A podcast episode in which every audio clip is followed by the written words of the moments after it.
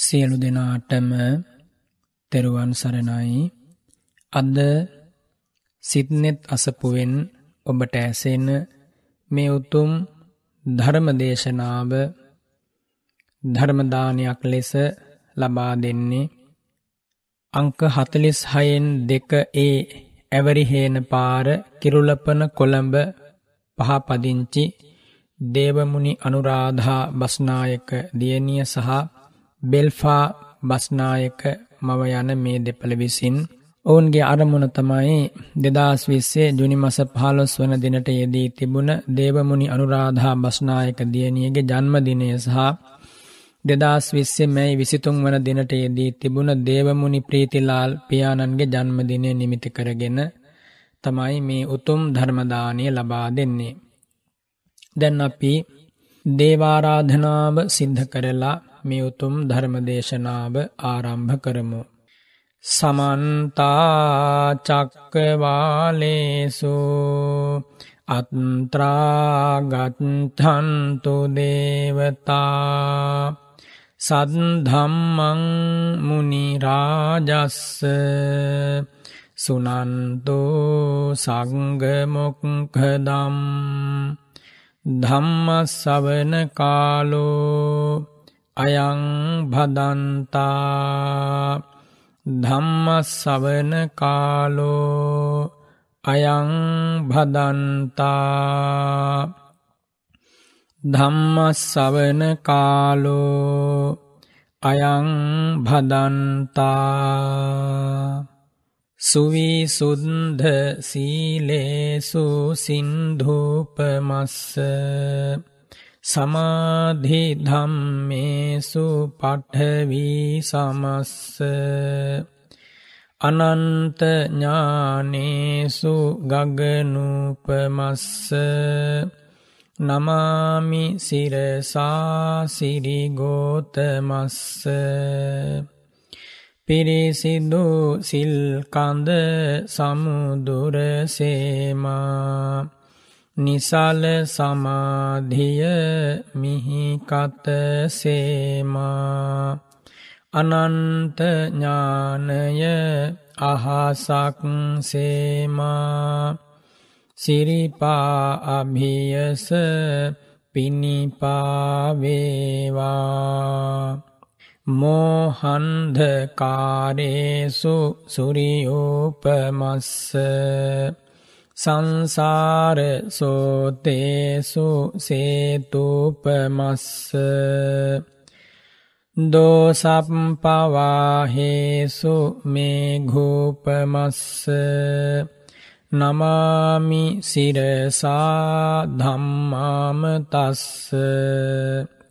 මොහන්දුර සිින්දලන ලාහිරුසේමා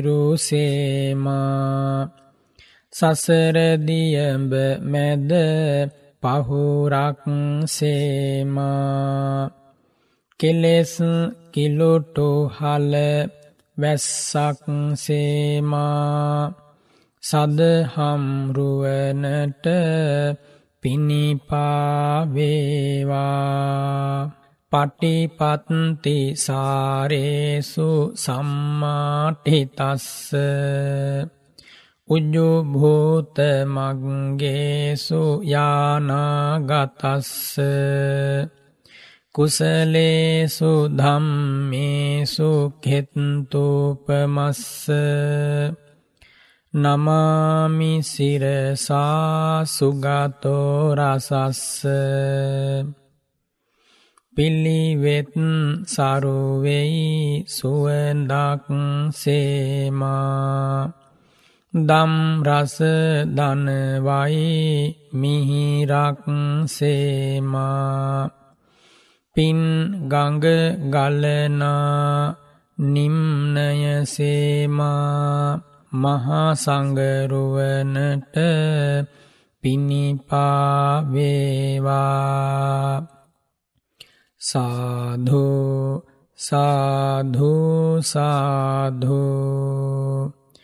නමෝතස්ස භගවතෝ අරහද්දෝ සම්මා සම්බුද්ධස්ස නමෝතස්ස භගවතෝ අරහතෝ සම්මා සම්බුද්ධස්ස නමෝතස්ස භගවතෝ අරහතෝ සම්මා සම්බුද්ධස්ස කතෙන්තාචකෝතුම්හේ භික්හවේ ඉදං දුක්ඛන්ති කතෙය්‍යාත අයං දුක්ඛ සමුදයෝති කතෙය්‍යාත අයං දුක්ඛ නිරෝධෝති කතෙය්‍යාත අයං දුක්ඛ නිරෝධගාමිනී පටිපදාති කතෙය්‍යාත තං කිස්ස හේතු ඒසා භික්හවේ කතා අත්ථ සංහිතා ඒසා ආදි බ්‍රහ්මචරියකා ඒසා නිබ්බිදාය විරාගාය නිරෝධාය උපසමාය අභිඤ්ඥාය සම්බෝධාය නිබ්බානාය සංවත්තතිී අතිපූජනීය මහා සංඝරත්නයෙන් අවසරයි ශ්‍රද්ධාවන්ත පින්වතුනි ඔබේ මගේ අනුත්තර ශාස්තෘන් වහන්සේ දසබලධාරී බුදුරජාණන් වහන්සේ තුන්ලෝකයක් සනසාලු මහා කරුණාවෙන් අනන්ත සක්වලක් ඒ කාලෝක කළ මහා ප්‍රඥාවෙන් වදාළ මිහිරි ශ්‍රී සද්ධර්මය තරම් වෙන සැනසීමක් අපට මේ තුන්ලෝකයේ කොතනකවත් නෑ. ඒ අනධීවර ශාස්තෘන් වහන්සේගේ නික්ලේසී හදමඩලින් පැනනැගිලා මහනෙල් මල් සුවඳ දිගන්තයේ විහිදෙන සිරිමුව මඩල විවර කරලා අෂ්ඨාංග සමන්නාගත බ්‍රහ්මස්වර මිහිරෙන් වදාළ ශ්‍රී සද්ධර්මයයි ලෝකයේ පරම සත්‍යය. ඒ පරම සත්‍යය වූ ශ්‍රී සද්ධර්මයට යම් කිසි කෙනෙක් ආදර බහුමාන ගෞරව සහිතව එල්ලැම්බි සිහියෙන් සවන් යොමු කරනවනම් මේ ජීවිතය තුළදීම ඔහුට ජීවිතාවබෝධය ලබා හැමදුක් අවසන් කරලා ශාන්ත නිවනින් සැනසීමේ වාසනාව ලැබෙනවා. පිංවතුනි අපට හැමදාම මේ මිනිස් ලෝකේ මෙවන් උතුම් දහමක් අසන්න ලැබෙන්නේ නෑ. කලාතුරකින් මුණ ගැසුන බුදුරජාණන් වහන්සේගේ ශාසනය නිසාමයි මේ සෑම ලාභයක්ම අපට ලැබුණේ. තව නොබෝ කලකින් ඔබෙන් මගෙන් ඒ අවස්ථාව ගිලිහි යනවා. ගිලිහි ගියාට පස්සෙ සෝක කරලා පලක් වන්නේ නෑ.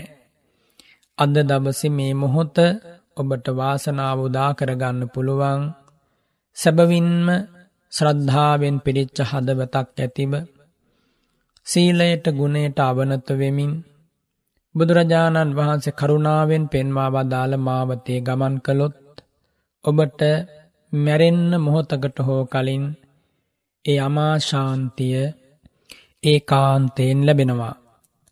බුදුරජාණන් වහන්සේ මහ කරුණාව මහ ප්‍රඥාව මුල් කරගෙන දෙවි මිනිසුන්ට සත්‍යය අවබෝධ කරලා දෙන්න නොවින්දි දුකක් නෑ මේ අනන්ත සංසාරේ. පාරමී ධර්ම පුරපු අවධියේ පාරමී භූමිය තුළ අනේකවිද්ධ දුක් උහුලන්නට යෙදුනේ. ඔබ මා වෙත අපම්මන කරුණාවකින් දයාවකින් අනුකම්පාවකින් යුතුව. ලෝකෙ මිනිස්සු දන්නේ නෑ බුදුරජාණන් වහන්සේගේ බුදු කරුණාවේ මහත්වය. බුදුරජාණන් වහන්සේ ඒසා මහත් අනුකම්පාවක් හදවතේ දරාගෙන ඇස්සිස් මසලේ නහර දන් දෙමින් ගෙවා දැමූ භීසුණු සසර ගමන තුළ වාරවශයෙන් සංඛ්‍යාත්මකව කිව නොහැකි අවස්ථා ගණනකදී හිසදන් දීලා ජීවිතය දන් දීලා අපමණ දුක්කම් කටළු ඉවසලා ලෝතුරා බුද්ධ රාජ්‍යයට වැඩම කළේ මේ උත්තම ජීවිතයේ පවා පුරා සය අවුරුද්දක් නොසිතිය හැකි තරමින් ශ්‍රී ශරීරයට දුක් ලබා දුන්න විමුක්තියේ නාමයෙන් විමුක්තිය සොයාගෙන ගිය අවස්ථාවේ.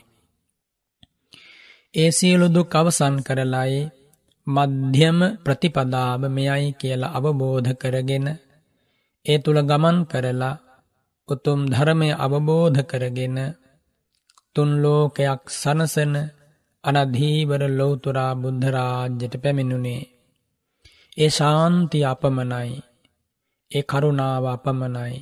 ඒ ඉවසීම අපමණයි. කිසිදාක ඒ හදවතේ වර්ගවාදය කුලවාදය ධනවාදය තිබුණෙ නෑ. හැම්ම කෙනෙකුටම සමකරුණාවකින් ආමන්ත්‍රණය කළා ධර්මය දේශනා කළා. දුගියාට මගියාට වගේම සිටුවරයාට මහරජවරයාට සමාන කාලයක් යොමු කරලා ඔවුන්ගේ සිද්දෙස බලමින් අවබෝධ වනතුරු ධර්ම දේශනා කළා. ඇතැම් දේශනාවක් තුන්යම් රාත්‍රයක් පැවතුනා බුදුරජාණන් වහන්සේ ඒ තරමින්ම මේ උතුම් ධර්මය දෙවි මිනිසුන්ට අවබෝධ කරවන්න වෙහෙස ගත්තා මහන්සි වුණා.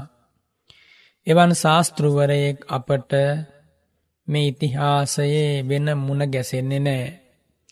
ඒ භාග්‍යවතුන් වහන්සේ පමණයි සමස්ත සත්වයාගේම එකම විමුක්තිය වෙනුවෙන් පෙනී සිටපු දුක් උහුලපු ශාස්තෘන් වහන්සේ එනිසා ඔබ නිරන්තරයෙන් බුදුගුණ සිහි කරන්න බුදුරජාණන් වහන්සේගේ අසිරිමත් ජීවිතය ගැන මෙනෙහි කරන වාරයක් පාසා සිතට ගතට පුදුමාකාර සැනසීමක් ලැබෙනවා. ඔබේ වචනයකින් ඔබ හැම වෙලාවකම බුදුරජාණන් වහන්සේගේ ගුණයක්ම කතා කරන්න. එයි නන්‍ය වූ දේවල් කතා කරන්න එපා. එයින් ඔබට බොහෝ පව් රැස් වෙන්න පුළුවන්. බුදුරජාණන් වහන්සේ වදාරෙනවා මා භික්හවේ අනේක විහිතන් තිරච්ඡාන කතහං කතෙහියාත මහනෙන නොහෙක් විදිහේ ප්‍රයෝජනයකට නැති හිස් කතාවන් කතා කරන්න එපා. තිරස්්ඨාන කතා කියලයි ඒවට කියන්නේ. වැදගත්කමක් නැති මෙලොවට පරලොවට ශාන්තිය පිණිස හේතු නොවන නිසයි ඒවට තිරච්ඡාන කතා කියල කියන්නේ. අනීයානිකත්තා සග්ග මොක්හ මග්ගානං තිරච්ඡාන භූතං කතං නිවනට නොම පමුණුවන සුගතියට හේතු නොවන ලාමක කතාවලට කියනවත් තිරච්ඡාන කතා කියලා. එවන් කතා සිද්ධ කරලා කෙසිදාක ඔබට මට මේ සසර දුකෙන් අතමි දෙන්න ලැබෙන්නේ නෑ. එනිසා බුදුරජාණන් වහන්සේ තම ශ්‍රාවකයන්ට මහකරුණාවෙන් අනුශාසනා කොට වදාලා එවන් කතාවන් නොකරන ලෙස. අද මේ උතුම් ධර්ම කතාවෙදී සංක්ෂිප්ත වශයෙන් නොකළයුතු කතා මොනවාද කියන මේ කරුණ ගැන ඔබට කියා දෙන්න බලාපොරොත්තු වෙනවා. පින්වතුනි අපි සියලු දෙනාම බුදුරජාණන් වහන්සේ සරණගියේ ධර්මය සංඝරත්නය සරණගියේ උතුම් ධර්මය අවබෝධ කරගැනීමේ බලාපොරොත්තුවෙන්. බිහිසුණු සසරදුක නිමා කිරීමේ බලාපොරොත්තුවෙන්. එහෙම නම් හැම කෙනෙක්ම බුදුරජාණන් වහන්සේ වදාළ ආකාරයෙන් සිත කය වචනය හසුරුවා ගත යුතුයි මේ උතුම් ධර්ම මාර්ගය තුළ. ඒ අතරට වචනය කෙසේ පුරුදු කළ යුතුද යන්න බුදුරජාණන් වහන්සේ මහකරුණාවෙන් තෝරා පහදා දුන්නා. නොකළ යුතු කතා මොනවාද කියල වදාරන භාග්‍යවතුන් වහන්සේ රාජකතා චෝරකතා මහාමත්ත කතා ආදී වශයෙන් නොකළ යුතු කතා දෙතිසක් ඇති බව සිරිමුව මඩලින් වදාලා. රාජකතා කියල කියන්නේ මොනවද. රජබරු ගැන කෙරෙන කතාවන්ට කියනවා රාජකතා කියලා. මහා සම්මතෝ මහා මන්ධාතා ධම්මාසෝකෝ ඒවං මහානු භාවෝති ආදිනා නයේන පවත්ත කතා රාජ කතා. අපි දැන් නොයෙක් විදිහේ රජවරු ගැන කතා කරනවා. අසවල් රජතුමා අනුභාව සම්පන්න කෙනෙක් අසවල් රජතුමා මෙහෙම යුද්ධ බලයක් තිබුණ කෙනෙක් ආදී වශයෙන්. ඒ විදිහට කතා කිරීමෙන් ඒ කතා කරන ඇත්තන්ගේ සිතේ එක්කො රාගේ නැත්තන් ලෝභය ඇති වෙනවා එහෙම නැත්තං පටිගය දවේශය ඇති වෙනවා. මේ දෙකත් සමගම මෝහය ඇති වෙනවා. එවන් කතාවන්ගෙන් අකුසල් චිත්තෝත් පාදයන් ඇතිවන නිසා රජබරු ගැන කතා කිරීම නිවන් පිණිස කටයුතු කරන ශ්‍රාවකයා නොකළ යුතු දෙයක්. රජවරු ගැන කතා කිරීමේදී මෙහෙම කරන්න පුළුවන්. අසවල් රජතුමා මහා දානපතියෙක් දැහැමෙන් සෙමෙන් දසරාජ ධර්මයන්හි පිහිටා රාජ්‍ය පාලනය කළා. අදී වශයෙන් ඔහුගේ ගුණ කුසල් සිත් පහළවන විදිහට සිහිකරන්න පුළුවන්නම්. අන්න එමගින් ඒ කතා කරන ඇත්තට බොහෝ යහපතක් සැලසෙනවා. දුටු ගැමුණු මහා රජතුමා රුවන්වැලි මහා සෑය ඉදි කලා. ඒ උතුමන් වහන්සේ මහා සෑ ඉදි කරලා ඒ පින් බලයෙන් දෙව්ලොවට වැඩම කළා. ඒ විදිහට කතා කරද්දී අපේ සිතේ පිවිතුරු කුසල් සිත් සමුදායක් පහළ වෙනවා. එබැවින් එබඳු රජබරු ගැන සාකච්ඡා කිරීම කතා කිරීම තිරච්ඡාන කතාවන් වන්නේ නෑ හිස් කතාවක් වන්නේ නෑ. එසේ නොවන යුධවිරුවෝ ගැන හෝවේවා වෙනයම් රජවරු ගැන හෝවේවා රාජ පරම්පරා ගැන හෝවේවා කතා කිරීමෙන් ඔබේ සිත අපිරිසිදු වෙනවනං අඳුරු වෙනවනං කෙලසෙනවනං ඔබට එමගින් ජනිත වන අකුසලය නිසා අලාභයක්මයි සිද්ධ වන්නේ යහපතක් සිද්ධ වන්නේ නෑ ධර්ම මාර්ගයට බාධාවක්මයි සිද්ධ වන්නේ. එනිසා රජවරු ගැන කෙරෙන කතාවන් හිදී මේ අසාගෙන ඉන්න සෑම කෙනෙක්ම ප්‍රවේශම් වන්න කොහෙවත් තියෙන දේවල් ගැන කොහෙවත් ඉන්න පුද්ගලයෝ ගැන කතා කරන්න ගිහිල්ලා අවසානය අපි දුකට පත් වනාට පස්සේ පිහිට වෙන්න කිසි කෙනෙක් ඇත්තෙනෑ එනිසා බුදුරජාණන් වහන්සේ පාකිව්වා රාජකතහා සිද්ධ කරන්න. ඊළඟට චෝර කතහා චෝර කතහා කියල කියන්නේ සොරු ගැන මංකොල්ල කණ්ඩායම් ගැන සංවිධානය වෙලා සොරමැරකම් කරන පුද්ගලයෝ ගැන කතහා කිරීම. ඒවගේ දේවල් කතා කරනකොට සිත අපිරිසුදු වෙනවා අකුසල වීතිහට සිත බැසගන්නවා. නොයෙක් විදියේ කතාවන් අතර ඇතැම් කෙනෙක් නොයෙක් විදියේ පුද්ගලයන් අරමුණු කරගෙන කතා කරද්දී ඔවුන්ගේ සිත් කෙලසෙනවා කියලා ඔවුන් දන්නේ නෑ. කවුරු හරි ගැන කතා කරද්දී තමන්ගේ සිතේ පහළවන්නේ අකුසලයක් නම් එහි විපාකය ඔහු කරා පැමිණෙනකොට දුකට පත්වෙන්නේ ඔහුමයි. එනිසා ඔබ මෙබඳු කතාවන් හිදී වඩාත් සැලකිලිමත් වනේ නැත්නම් එක දවසකට වචනය නිසා මොන්න තරම් අකුසල් කන්දරාවක් රැස්කර ගන්නවද. එනිසයි මේ කතාව ඔබට ඉතාම වැදගත් වන්නේ. චෝර කතා නමින් සොරු ගැන ඒ ආදී වශයෙන් දක්වන ලද එබන්දු ප්‍රචණ්ඩව හැසිරෙන පිරිස් ගැන ආක්‍රමණික කණ්ඩායම් ගැන ත්‍රස්තවාදී කණ්ඩායම් ගැන නිතර නිතර කතා කරන්න යාම තුළින් සිද්ධවන්නේ දවේශය මෝහය ලෝභය ඇතිවීම. ඉළඟට බුදුරජාණන් වහන්සේ වදාරෙනවා මහාමත්ත කතා මහාමත්ත කතා කියල කියන්නේ ඇමතිවරු ගැන කතා කිරීම. නොයෙක් විදිහේ කතාවන් අතර ජන සමාජයේ පුරුද්දක් තමයි රාජ්‍යනායකෝ ඇමතිවරු මන්ත්‍රීවරු ගැන නිරන්තරයෙන් කතා කරනවා. එමගින් කතා කරන ඇත්තන්ගේ සිත් දෝෂ්‍ය වෙනවා කියලා ඒ අත්තු දන්නේ නෑ. මිනිස් ලෝකෙට ඇවිල්ලා කතා කිරීමේ හැකියාවත් ලැබිලා ගොළු වෙලා බිහිරි වෙලා නැතිව උපන්න ජීවිතයකදී එවන් ලාමක දේවල් ගැන ලාමක පුද්ගලයන් ගැන කතා කිරීම සඳහා කාලයක් යොමු කර ගැනීම මොන තරන්නම් අභාග්‍යයක්ද කියලා ඔබම කල්පනා කරන්න මේ ධර්ම කතාව ඇහෙද්දී. එනිසා ඇමතිවරු ගැන වුනත් පමණ ඉක්මවා අනවශ්‍ය විදිහට කතා කිරීමෙන් කිසිම පලක් වන්නේ නෑ. ඔවුන්ගේ ක්‍රියා කලාපයන් හොය හොයා ඕපාදූප හොය හොයා ඒව ගැන නිතර නිතර කතා කරමින් නින්දට යනවා අවදි වෙනවා. නැවතත් ඒ දේවල් උදේ අවදිවෙච්ච වෙලාවෙ පටන් නින්දට යනකං අහනවා දකිනව කතා කරනවා. ඔබ හිතන් ඔබේ වචනය මොන්න තරම් අපිරිසුදු වෙනවද? මොන තරම් පවක් රැස් වෙනවද එක දවසකට ඒවක් ගෙවන්න දවසට ඔබම දුක් විඳිනකොට ඔබේ දෑසටම කඳුළු ධාරා නැගෙනකොට කවුරුවත්නෑ ඔබෝ බේරගන්න එනිසා බුදුරජාණන් වහන්සේ මේ මහා කරුණාවෙන් තෝරල දෙන්නේ මෙබඳු කතා සිද්ධ කිරීමෙන් යහපතක් වන්නේම නැති නිසා. ඊළඟට භාග්‍යවත් බුදුරජාණන් වහන්සේ වදාරෙනවා සේනා කතහා. සේනා කතහා කියල කියන්නේ යුද සේනා පිළිබඳව කතහා කිරීම. පාබල වේවා එහෙම නැත්නම් ඇත්තස්ශ්‍රිය වේවා ගුවන් වේවා නාවික වේවා මොනයම් ආකාරයකින් හෝ යුදසේනාවන් ගැන රසාස්වාදය බලාපොරොත්තුවෙන් කතා කිරීම තුළින් හිතේ ඇතිවන්නේ ලෝභමූල දවේශමූල සිත්. එමගින් ඔහුට අකුසල කරමයක් මයි ජනිත වන්නේ. බොහෝ දෙනකුට මේ වගේ කතා මිහිරි කතා වෙලා තියෙනවා මේ ජන සමාජයේ. නැතුවම බැඩි කතා බවට පත්වෙලා.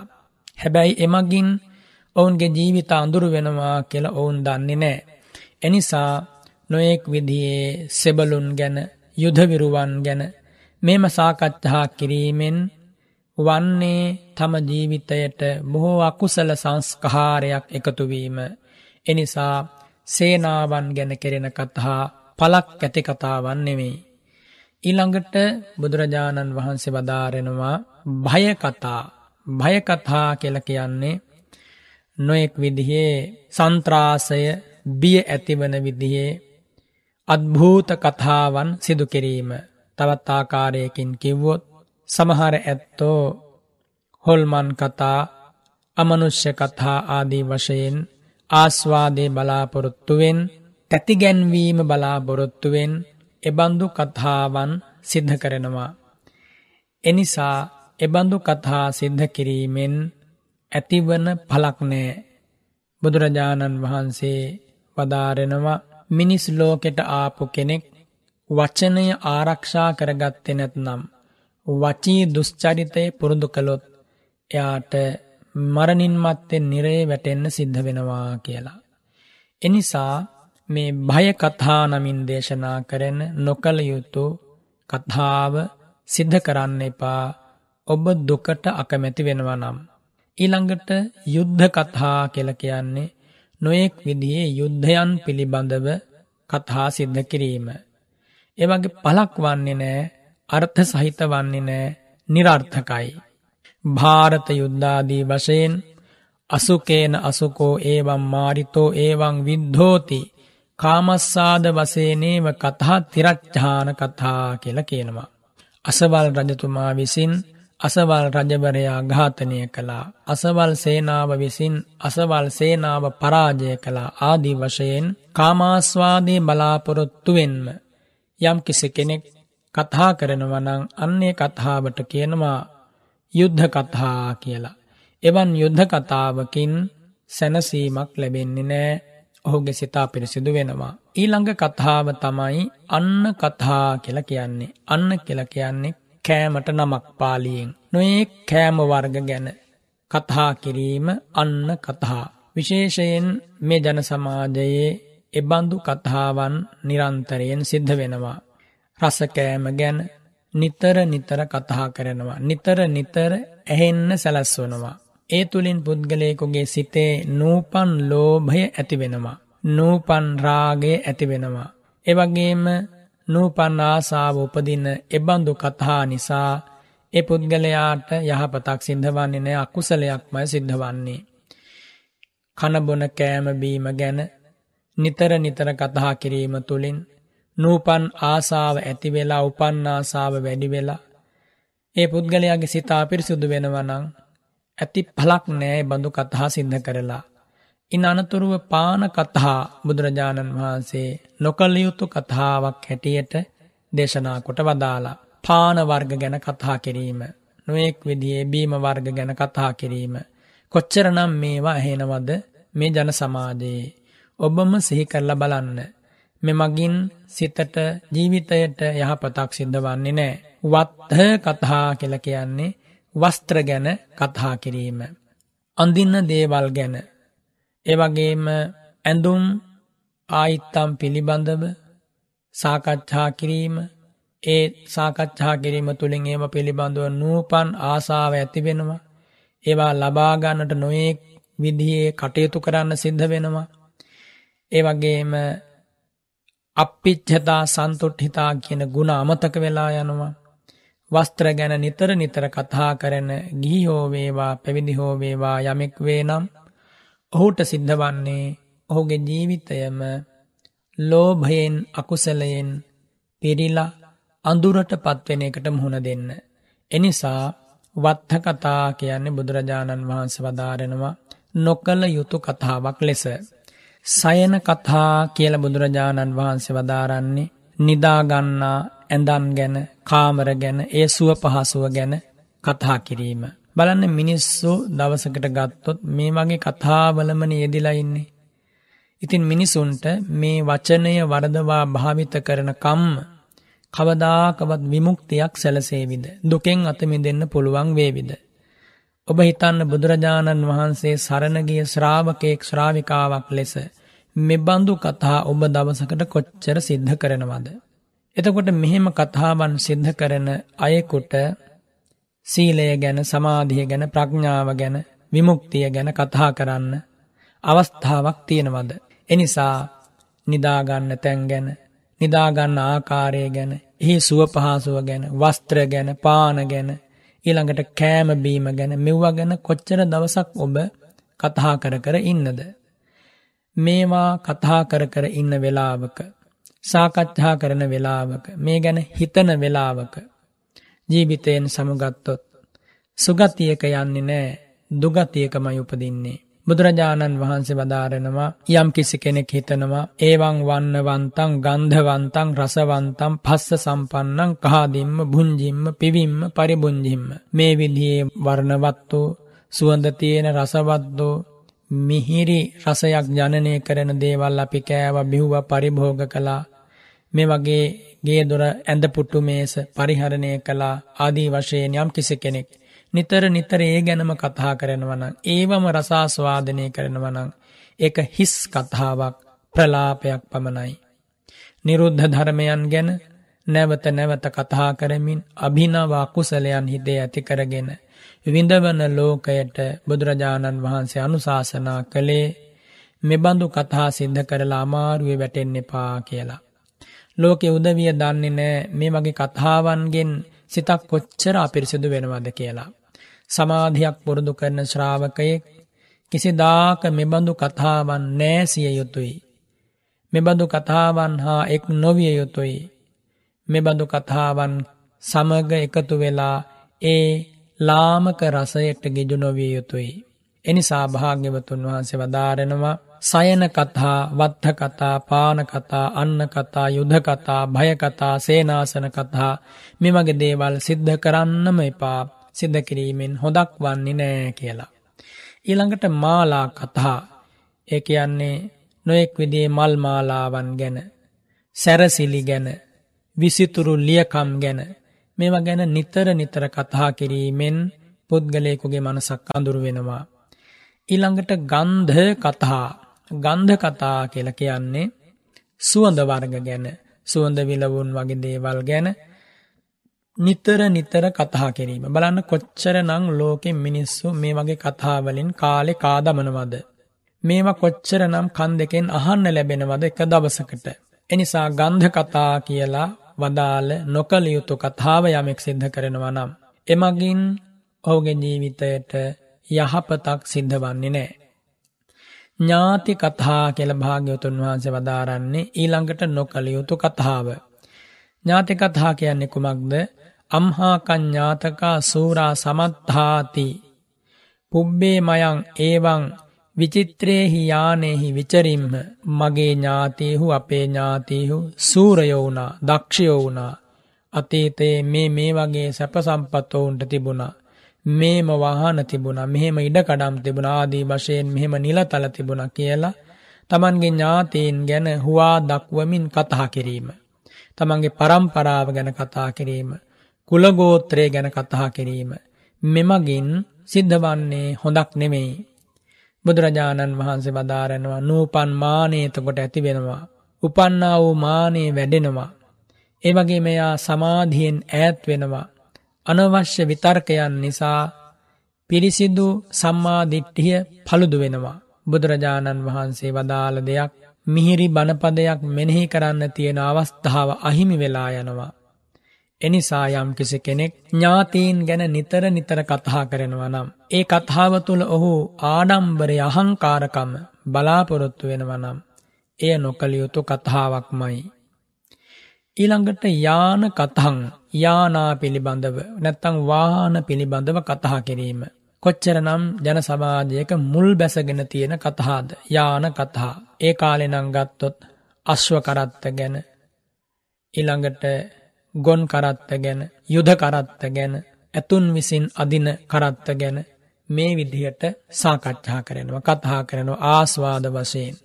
මේ වගේ කාලයකන නොයෙක් විදිහේ වාහන ගැන මිනිස්සු කතා කරනවා නැවත නැවත ඒ වගේ ගණන් හොයනවා.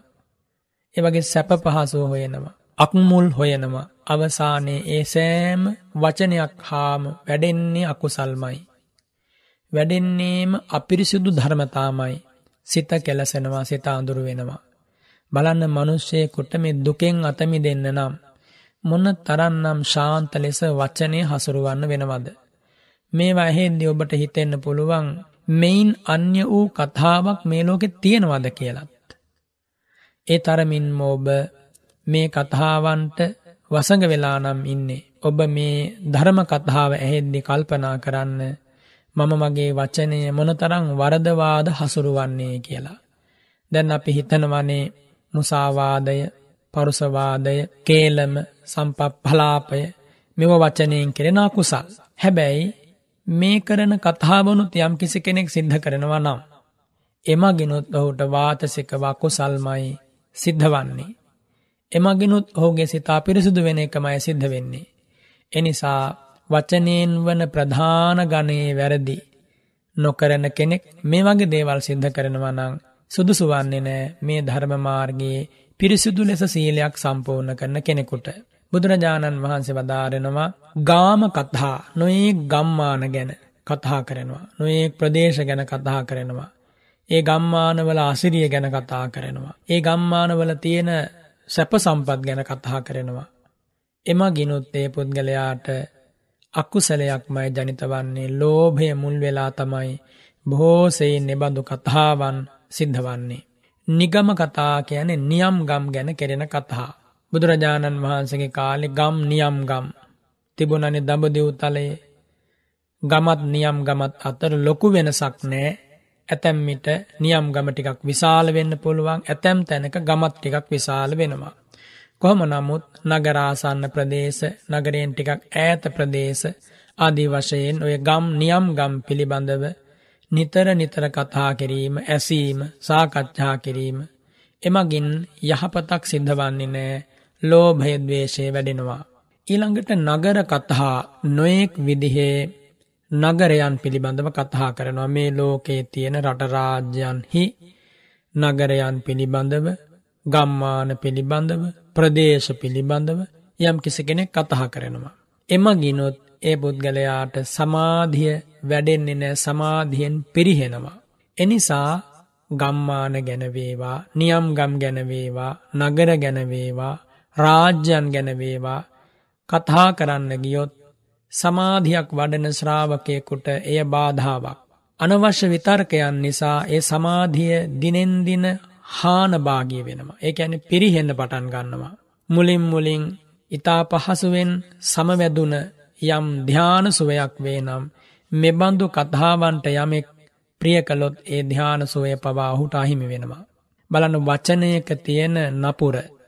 හරියාකාරව වචනය හසුරුවා ගත්තේ නැත්නම් කොච්චරනම් අලාභයක් පුද්ගලයෙකුට වෙනවද. සමහර වෙලාවට මේ බඳු වචනයක් කතහා කරන්න තප්පර කිහිපයක කාලයක් ගත වෙන්නේ. හැබැයි ඒ තත්පර කිහිපයක කාලයෙන් එයාට නිරයේ පවා වැටෙන්න සිද්ධ වෙනවා. ජනපද කතා කියලා කියන්නෙත් නොකළ යුතු කතාවක්. නොඒක් ජනපද පිළිබඳව. රජවරු හදාදුන් සිටුවරු හදාදුන් නොයෙක් විදිහේ පුද්ගලයන් ලැගුම්ගත් වෙළඳ කණ්ඩායම් ලැගුම්ගත් නොයෙක් විදිහේ ශ්‍රේණීන්හි පුද්ගලයන්ගේ නවාතැන් භූමි වූ ජනපද පිළිබඳව පුද්ගලයෝ නිතර නිතර කතා කරනවා. ඒව ගැන කතා කිරීම යහපතක් වන්නේ නෑ කුසලයක් සිද්ධ වන්නේ නෑ.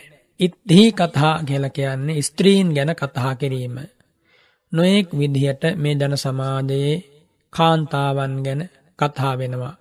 ඔවුන්ගේ හැඩහුරුකම් ගැන ඔවුන්ගේ අඟපසඟ ගැන ඔවුන්ගේ වත්බෝසත්ගම් ගැන කතා වෙනවා ඔවුන්ගේ නර්තනයන් ගැන ඔවුන්ගේ ගායනයන් ගැන මේ විදිහට මේ ජන සමාජයේ කොච්චර නම් කතා වෙනවද. ඉත්ති කතා නමින් කාන්තාවන් ගැන කතා කිරීමෙන් පුද්ගලයකුගේ මනසක් අඳුරු වෙනවා පිරිසිදු වෙනවා රාගයෙන් මෝහයෙන් ඒ සිත අවුල් වෙනවා. සමාධියක් නැති වෙනවා. සීලාදී ගුණ ධර්ම පිරිහෙනවා. එනිසා ඉද්ධි කතා හෙවත් කාන්තාවන් ගැන කෙරෙන කතා නොකළ යුතුයි මේ ධර්ම මාර්ගයේ පුරුදු කරන කෙනෙක්. ඒ වගේම පුරිස කතා පුරුෂයන් ගැන කෙරෙන කතා. පුරුෂයන්ගේ ගායනයන් වාදනයන් නර්තනයන් ශරීරයන් අවයවයන් මෙව ගැන ඉරියව් පැවැත්වී මෙව ගැන රසකර කර කතා කරන පුද්ගලයෝ ඉන්නවා. එමගින් ඔවුනට හොඳක් සිද්ධ වන්නේ නෑ අයහපතක්මය සිද්ධ වන්නේ ලෝභය දවේශය ඒ තුළ වැඩෙන නිසා.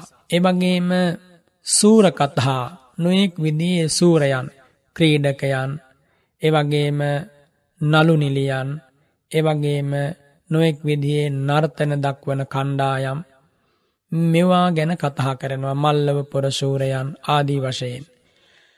මේවා ගැන සාකච්ඡා කිරීම කතා කිරීම කරුණු හුවමාරු කර ගැනීමෙන් කියන්නාටත් අසන්නාටත් දෙදෙනාටම වන්නේ අලාභයක් බලන්න මේ වගේ කතාවන් සිද්ධ කරද්දී මේ රාජකතා චෝර කතාදී වශයෙන් රජවරු ගැන සොරු ගැන ඇමතිවරු ගැන යුදසේනා ගැන යුද්ධයන් ගැන එවගේම කෑමබීම ගැන වස්ත්‍රමාලා සුවඳ ගැන ඥාතීන් ගැන යානවාහන ගැන ගම්මාන නියම් ගම් නගර ජනපද ගැන ස්ත්‍රීන් පුරුෂයන් ගැන මෙව ගැන කතා කරනකොට කතා කරන කෙනාත් පිරිහෙනවා.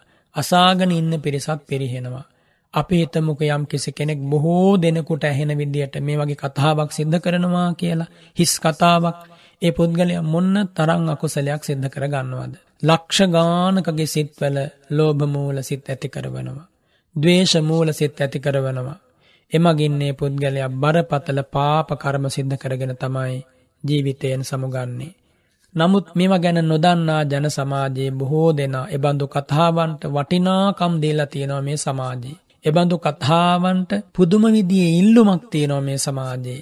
එමගින් ප්‍රකට වන්නේ මිනිස් මනසක ඇති දුරු ගුණයක ප්‍රබලවීම මොනතරම්නම් අභාග්‍ය සම්පන්නද කියන මේ කරුණ. එනිසා ධම් රසය ශාන්ත රසය ගුණධර්මවල රසය විඳින ඒ රසය බලාපොරොත්තු වන ඒ රසය ප්‍රාර්ථනා කරන යම් කිසි කෙනෙක් මේ ලෝකෙවේ නම් මෙබඳු කතාවන්ගෙන් නිදුරාම වැලකී යුතුයි.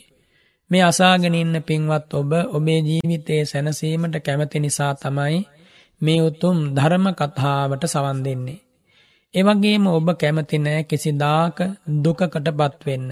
ඔබ කැමති ශාන්තමා නිවනින් සැනසෙන මොහොත දක්වාම සියලු ලෞකික ලෝකෝත්තර උභයාර්ථය සලසගන්න. එහෙම කැමති වෙනවා නං මෙන්න මේ කියපු දේවල් ගැන හොඳට සිහි කල්පනාවෙන් ඉන්න. කවුරුහරි මෙබඳු කතාවක් සිද්ධ කරනවා නං ඔබ සවන් දෙන්න එපා. කවුරුවරු මෙබඳු දේවල් ඔබට කියන්න එනවනං ඔබ ඒදේ මනසිකාර කරන්න එපා. හැබැයි මෙහෙම දෙයක් දේනවා. යම් කිසි කෙනෙක් අර්ථය සල කලා අනර්ථය සල කලා මේ වගේ කතාවකට සවන් දෙනවනම් එළැඹි සිහියෙන් අපි හිතමුකෝ අවසානයේ සංවේගයේ ජනනය වෙනවනං ඒ කතාවේ.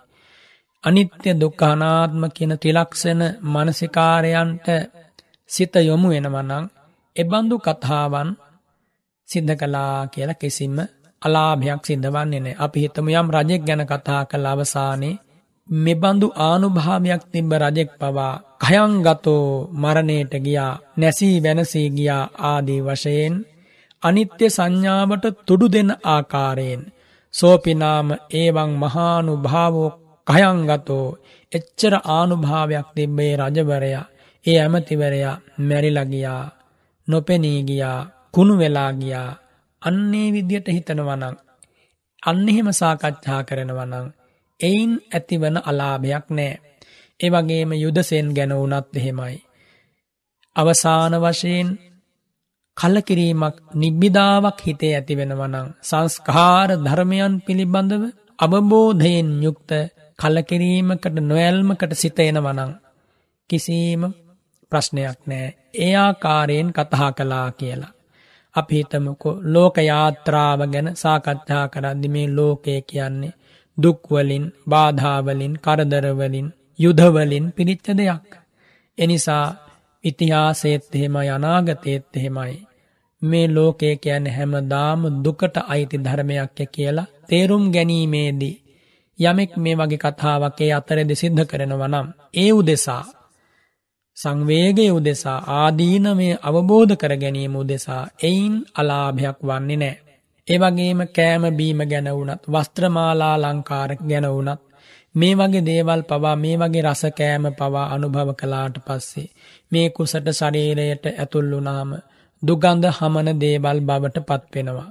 මේ වගේ පිරිසුදු වස්ත්‍ර දැකුම් කළු වස්ත්‍ර පවා මේ ශරීරයත් ශරීරයට එක්කලාට පස්සේ ඇඳ ගත්තට පස්සේ අපිරිසිදු වෙනවා දාඩියෙන් කිලුටු වෙනවා. ඒ වගේම යම් කිසි පුද්ගලයෙක් හිතනවා මේ ශරීරයට මේ සුවඳ ගල්වන්නේ මේ ශරීරයෙන් දුගඳ වාහනය වන නිසා එනිසායේ දුගඳ වාහනය වීම නතර කරන්නයි මේ දේ සිද්ධ කරන්නේ ආදී වශයෙන් ආදීනවම තේරුම් ගැනීම පිණිස අසුභ සංඥාවම ඇති කර ගැනීම පිණිස යම් කිසි කෙනෙක් මෙබඳු කතා සිද්ධ කරනවා නම් එයින් අලාභයක් වන්නේ නැහැ. ඒ වගේම කෙනෙක් හිතනවා පුබ්බේ ඒවං වන්නාදී සම්පන්නං අන්නම් පානං වත්හන් සයනං මාලං ගන්ධං විලේපනං සීලවන්තානං අදම්ම චේතියේ පූජං අකරිම්හ. හිතනවා අපි පෙර මෙන්න මේ බඳු විසිතුරු වූ දර්ශනීය වූ වස්ත්‍ර ඒ වගේම ප්‍රනීත ආහාර ප්‍රනීත පාන වර්ග මල් සුවඳ විලවුන් ඒ වගේම කැපසරුප් ආකාරයේ දේවල් අපි සිල්වත් වූ උතුමන්ට පූජා කළා. මෙන්න මෙහෙම දේවල් අපි දන් දුන්නා. කියලා යම් කිසි කෙනෙක් හිතනවා නම් සාකච්ඡා කරනවා නම් කියනවා නම් එමගින් කියන කෙනාටත් අහන කෙනාටත් බොහෝ පිනක් සිද්ධ වෙනවා. මේ විදිහේ ප්‍රනීත ලෙස ආහාර සකස් කරලා ගිලන්පස සකස් කරලා අපි බුද්ධ පූජාවක් තිව්වා. මේ විදිහේ පිරිසිදු වස්ත්‍රවලින් උසස්ම ගණයේ වස්ත්‍රවලින් කොඩියක් මහලා අපි පූජා කළා. මෙන්න බෙබඳු ලෝකෙ තියෙන වටිනාම මිලාදිකම සුවඳ විලවුන් මිලදී අරගෙන අපි මහසෑයට පූජා කළා. අන්න එහෙම කෙනෙකුට කතා කරන්න පුළුවන් නම් එමගින් ඔහුට අලාභයක් සිද්ධ වන්නේ නැහැ.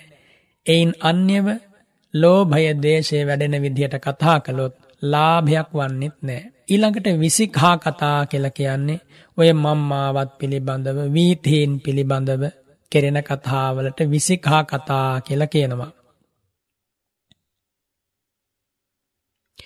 අස්සුක්ක විසිකා සුනිවිට්හා දුන්නිමිට්හාතිවා අස්සුක්ක විසිකාය වාසිනෝ සූරා සමත්හාතිවා අස්සාද වසේනේව වත්තුන් නවට්ටති කියලා කියනවා. අසවල් වීතියේ අසබල් කඩපිලේ මෙන්න මේ විදිය දක්ෂයෝ ඉන්නවා සූරයෝ ඉන්නවා. ඒවගේම අසවල් වීතියේ අසවල් කඩපිලේ මේ මේ වගේ විසිතුරු දේවල් මිලදී ගන්න තියෙනවා. ආදී වශයෙන් යම් කිසි කෙනෙක් කතා කරනවනම් එමගිනුත් ඔවුන්ට සිද්ධ වන්නේ අලාභයක්මයි. එමගිනුත් ඔවුන්ට සිද්ධ වන්නේ ලෝභමූල සිත් හෝ දවේශමූල පිත් පහළවීමමයි. එනිසා එය නොකළ යුතුයි. කුම්භට්ඨාන කතං කියල කියන්නේ උද්දක තිත්හ කතා මුච්චති කුම්භට්ඨාන කතා. කුම්භදාසි කතාවා නොයෙක් තොටු පොළ ගැන කෙරෙන කතා. නාන තැන් ගැන වතුර ගන්නා තැන් ගැන එවගේම පුද්ගල එකතු වෙලා දිය ක්‍රීඩා කරන තැන් ගැන යම් කිසි කෙනෙක් කතා කරනවා නං. අන්නේ කතා කුම්භට්ඨාන කතා කියලා මේ ධර්මය තුළ නොකළ යුතුයි කියල බුදුරජාණන් වහන්සේ දේශනා කරනවා. එවගේම ඒ කුම්භදාසීන් ගැන ඒ කාලේ තියෙන දියගෙනෙන නොෙක් විදිහේ සේවිකාවන් ගැන කතා කරනවා පාසාදිකා නච්චිතුන් ගායිතුන් චේකාති අස්සාද වසේන නවට්ටති. අසවල් කුම්භදාසිය නටන්න ගයන්න වයන්න දක්ෂයාදී වශයෙන් කීමෙන් සිතා පිරිසිදු වෙනවා. සද්ධහා පසන්නාතියාදිනානයනේම වට්ටති. ශ්‍රද්ධාවන්තයි ගුණධර්මවලින් යුක්තයි අසවල් දාසිය ආදී වසයන්නේ දියගෙනෙන කාන්තාවන් ගැන හෝ කුම්භදාසියෙන් ගැන හෝ කතා කලා කියල වරදක් වන්නේ නෑ. ඊළඟට බුදුරජාණන් වහන්සේ වදාරෙනවා පුබ්බ පේත කතා. පුබ්බ පේත කියල කියන්නේ අතීත ඥාති කතා. තමන්ට හිටපු අතීතයේ ඉඳලා මැරලා ගියපු ඥාතීන් ගැන කෙරෙන කතා. අර වර්තමානයේ හිටපු ඥාතීන් ගැන කරන කතා වගේම තමයි අතීතයේ හිටපු ඥාතීන් මෙහෙමයි මෙහෙමයි කියලා යම් කිසි කෙනෙක් කතා කරනවා නම් එමගින් මානාදී කෙලෙස් ඇති වෙනවා නම් උඩගුකම් ඇති වෙනවා නම් එය නොකළ යුතුයි. ඊළඟට බුදුරජාණන් වහන්සේ වදාරනවා නානත්ථ කතං කියලා. නානත්ථ කතාති පුරීම පච්චිම කතාහි විමුත්තා අවසේසා නානා සභාවත් නිරත්ථක කතා. දැම් පෙර මෙතෙක් කියපු කතා බලට අයිති නොවන යම් කතාවක් වේනම් ඒවට නානත්ථ කතා කියල කියනව එහෙනම් මේ කාලේ. මේ කියන ලද කතාවන්ට අසු නොවන යම් කතාවක් වේනම් මේ ධර්මමාර්ගයට අදාළ නොවන නිවන පිණිස නොපවතින සීල සමාධි ප්‍රඥා වඩන්නට තුඩු නොදෙන ඒ සියලු කතා තිරච්ඡාන කතා කියලයි මේ ධර්මය උගන්නන්නේ. එනිසා කෙනෙකුට කියන්න බෑ ඔය කියපු කතා වලට මේ කතාව අයිති වෙන්නේ නෑ කියලා. නානත්ත කතා කියද්දී නම් වශයෙන් මාතෘකා වශයෙන් නොකියන ලද නිවනට බාධාවන ධර්මාවබෝධයට බාධාවන සිතා පිරිසුදු කරන ලාමක හාස්‍ය රසය උපදවන කතා සියල්ලම නානත්ත කතා කියල කියන්න පුළුවන්. ඒවගේම බුදුරජාණන් වහන්සේ වදාරෙනවා ලෝකක්හායික කතා අයං ලෝකෝ කේන නිම්මිතෝ අසුකේන නාම නිම්මිතෝ කාකෝ සේතෝ අට්ඨීනන් සේතත්තා බලාකාරත්තා ලෝහිතස්ස රත්තත්තා. ති ඒවමාදිනා ලෝකායත විතන්ඩ සල්ලාප කතා ලෝකය ගැන කතා කරනවා. මේ ලෝකය ගැන මේ ලෝකෙ කවුරු විසින්ද මවල තියෙන්නේ? කවුරුන් විසින්ද මේ ලෝකයේ මේ තරම් විසිතුරු කරලා තියෙන්නේ? කාකෝ සේතෝ කපුටා සුදු පාටය. ඇයි එහෙම වන්නේ? කපුටෙක් සුදු පාට විය යුතුය. කුමක් නිසාද? අට්ඨීනන්සේ තත්තා අස්තිපංජනය සුදු පාට බැවින්. බලාකාරත්තා කොකුන් සුදු පාට නෙමේ රතු පාට විය යුතුයි ලෝහිතස්ස රත්තත්තා ලේ රතු පාට බැවින් ආදී වශයෙන් මේ ලෝකේ මිනිස්සු නොයෙක් විසම කතාවන්. ලාමක කතාවන් අර්ථයක් නොවන හිස් කතාවන් ලෝකෙ සිද්ධ කරනවා. අන්නේ වටගෙන ලෝකක් කායික කතා කියලා. ලෝකායත විතන්ඩ සල්ලාප කතා කියලයි ඒවට කියන්නේ. එමගින් පුද්ගලයකුට යහපතක් සිද්ධ වන්නේ නෑ. ඊළඟට භාග්‍යවතුන්වා දේශනා කරනවා සමුද්දක් කායිකං සමුද්‍රය පිළිබඳව සාගරය පිළිබඳව කෙරෙන කතා. මේ සාගරය කෞද මවල තියෙන්නේ. මේ සයුර කෞද හාරල තියෙන්නේ. ආදී වශයෙන් ඔය නොයෙක් විදිහ ලාමක කතා හිස් කතා සිද්ධ කරනවනේ කස්මා සමුද්දෝ සාගරෝ සාගර දේවේන කනිතත්තා සාගරෝ ඇයි මේ සමුද්‍රයට සාගරය කියන්නේ සාගර කියන දෙවියා විසින් හාරණ ලද හින්දයි සාගරය කියන්නේ කතෝ මේති හත්තමුද්ධාය නිවේදි තත්තා සමුද්දෝ ආදි වශයෙන් ලාමක විදිහයට හිස් කතා බොළඳ කතා අර්ථයක් නැති කතා සිද්ධ කරනවනං ඒවට කියනවා සමුද්දක්කායික කතා කියලා. සමුද්‍රය ගැන සාගරය ගැන මුහුදු ගැන මේ වගේ ඇතිවන පලක් නෑ. ඊළඟට භාග්‍යවතුන් වහන්සේ වදාරනවා ඉති භවා බව කතං. එයින් අදහස් කරන්නේ ඉති භවෝ ඉති අභවෝති යංවා තංවා නිරත්ධක කාරණං වත්වා පවත්තිත කතා. කිසිම වැදගැම්මකට නැති හිස්සූ සමහර විට ශාස්වතය ගැන එත්තච භවෝති සස්සතං මේ ලෝකේ ශාස්වතයි අභවෝති උච්චේදං මේ ලෝකයේ අසාස්වතයි උච්චේද යෙන් යුක්තයි ආනේ විදියට ශාස්වත දෘෂ්ටිය ගැන උච්චේද කතාවන් ගැන යම් කිසි කෙනෙක් සිද්ධ කරනවා නම් නිතර නිතර සාකච්ඡාවන් කතාවන් ඒවට කියනවා ඉති භවා භව කතා කියලා. ඒ වගේම භවෝති බුද්ධි අභවෝති හානි. භවය කියන්නේ බුද්ධියට ඒවත් දියුණුවට. අභවය කියන්නේ හානියට.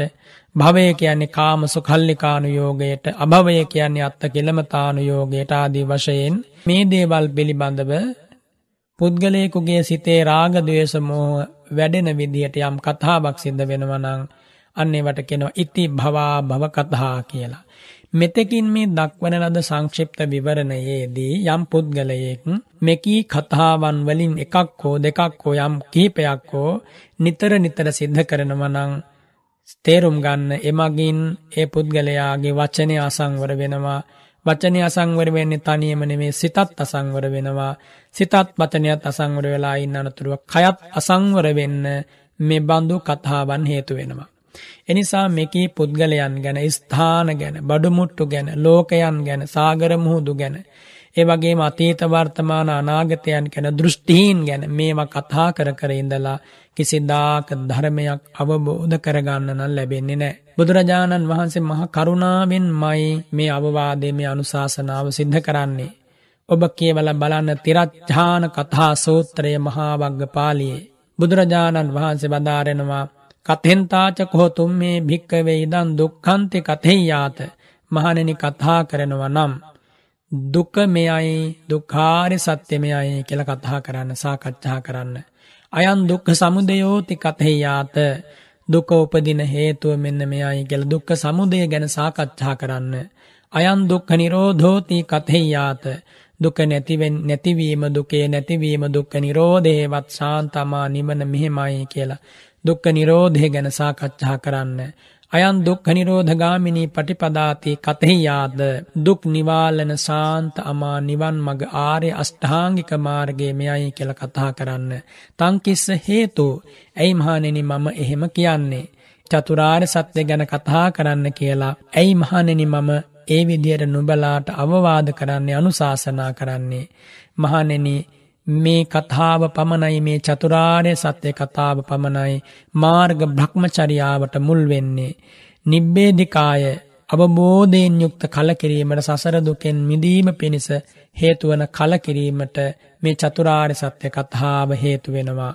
විරාගාය නොයල්ම පිණිස නිරෝධාය සියලු දුක් නිරුද්ධ කිරීම පිණිස උපසමාය මුළුමනින්ම ඇතුලාන්තයෙන් ශාන්ත වී නිවී යාම පිණිස අභිඥාය විශිෂ්ට අභිඥා ඥාන දර්ශනය පිණිස සම්බෝධාය සම්බෝධියවත් ශාන්තමා නිවන පිණිස නිබ්බානාය මේ උතුම් කතාව හෙවත් චතුරාර්ය සත්‍ය කතාව වැදගත් වෙනවා. එනිසා බුදුරජාණන් වහන්සේ බදාරනවා ඉදන් දුක්ඛන්ති යෝගෝ කරණීයෝ මහණෙනි මේ දුකයි මේ දුක මම අවබෝධ කරන්න ඕන කියලා වීර්ය කරන්න. ඒ වගේම මහණෙනි අයන් දුක්ඛ සමුදයෝති යෝගෝ කරණීයෝ මෙය තමයි දුක හටගන්නා හේතුව හේතුව ම විසින් ප්‍රහාණය කළ යුතුයි කියලා වීරිය කරන්න. ඒ වගේම මහණෙනි අයන් දුක්ඛ නිරෝධෝති යෝගෝ කරණීයෝ දුක්ඛ නිරෝධයමයි එය ම විසින් සාක්ෂාත් කළ යුතුයි කියලා නුඹලා වීරිය කරන්න. අයන් දුක්ඛ නිරෝධගාමිනී පටිපදාති යෝගෝ කරණීයෝ දුක් නිවාලන ශාන්තාමා නිවන් මගමයයි ඒ මාර්ගයේ මම ගමන් කරනවා කියලා වීරිය කරන්න. බලන්න බුදු කරුණාවක ආසිරිය ඔබට කතා කළ යුතු දේත් කියලා දුන්නා. කතා නොකළ යුතු දේත් කියලා දුන්නා. පින්වතුනි මේ කාරණේ මේ වෙලාවේ ඔබට කරුණාවෙන් මතක් කරන්නට ඕන.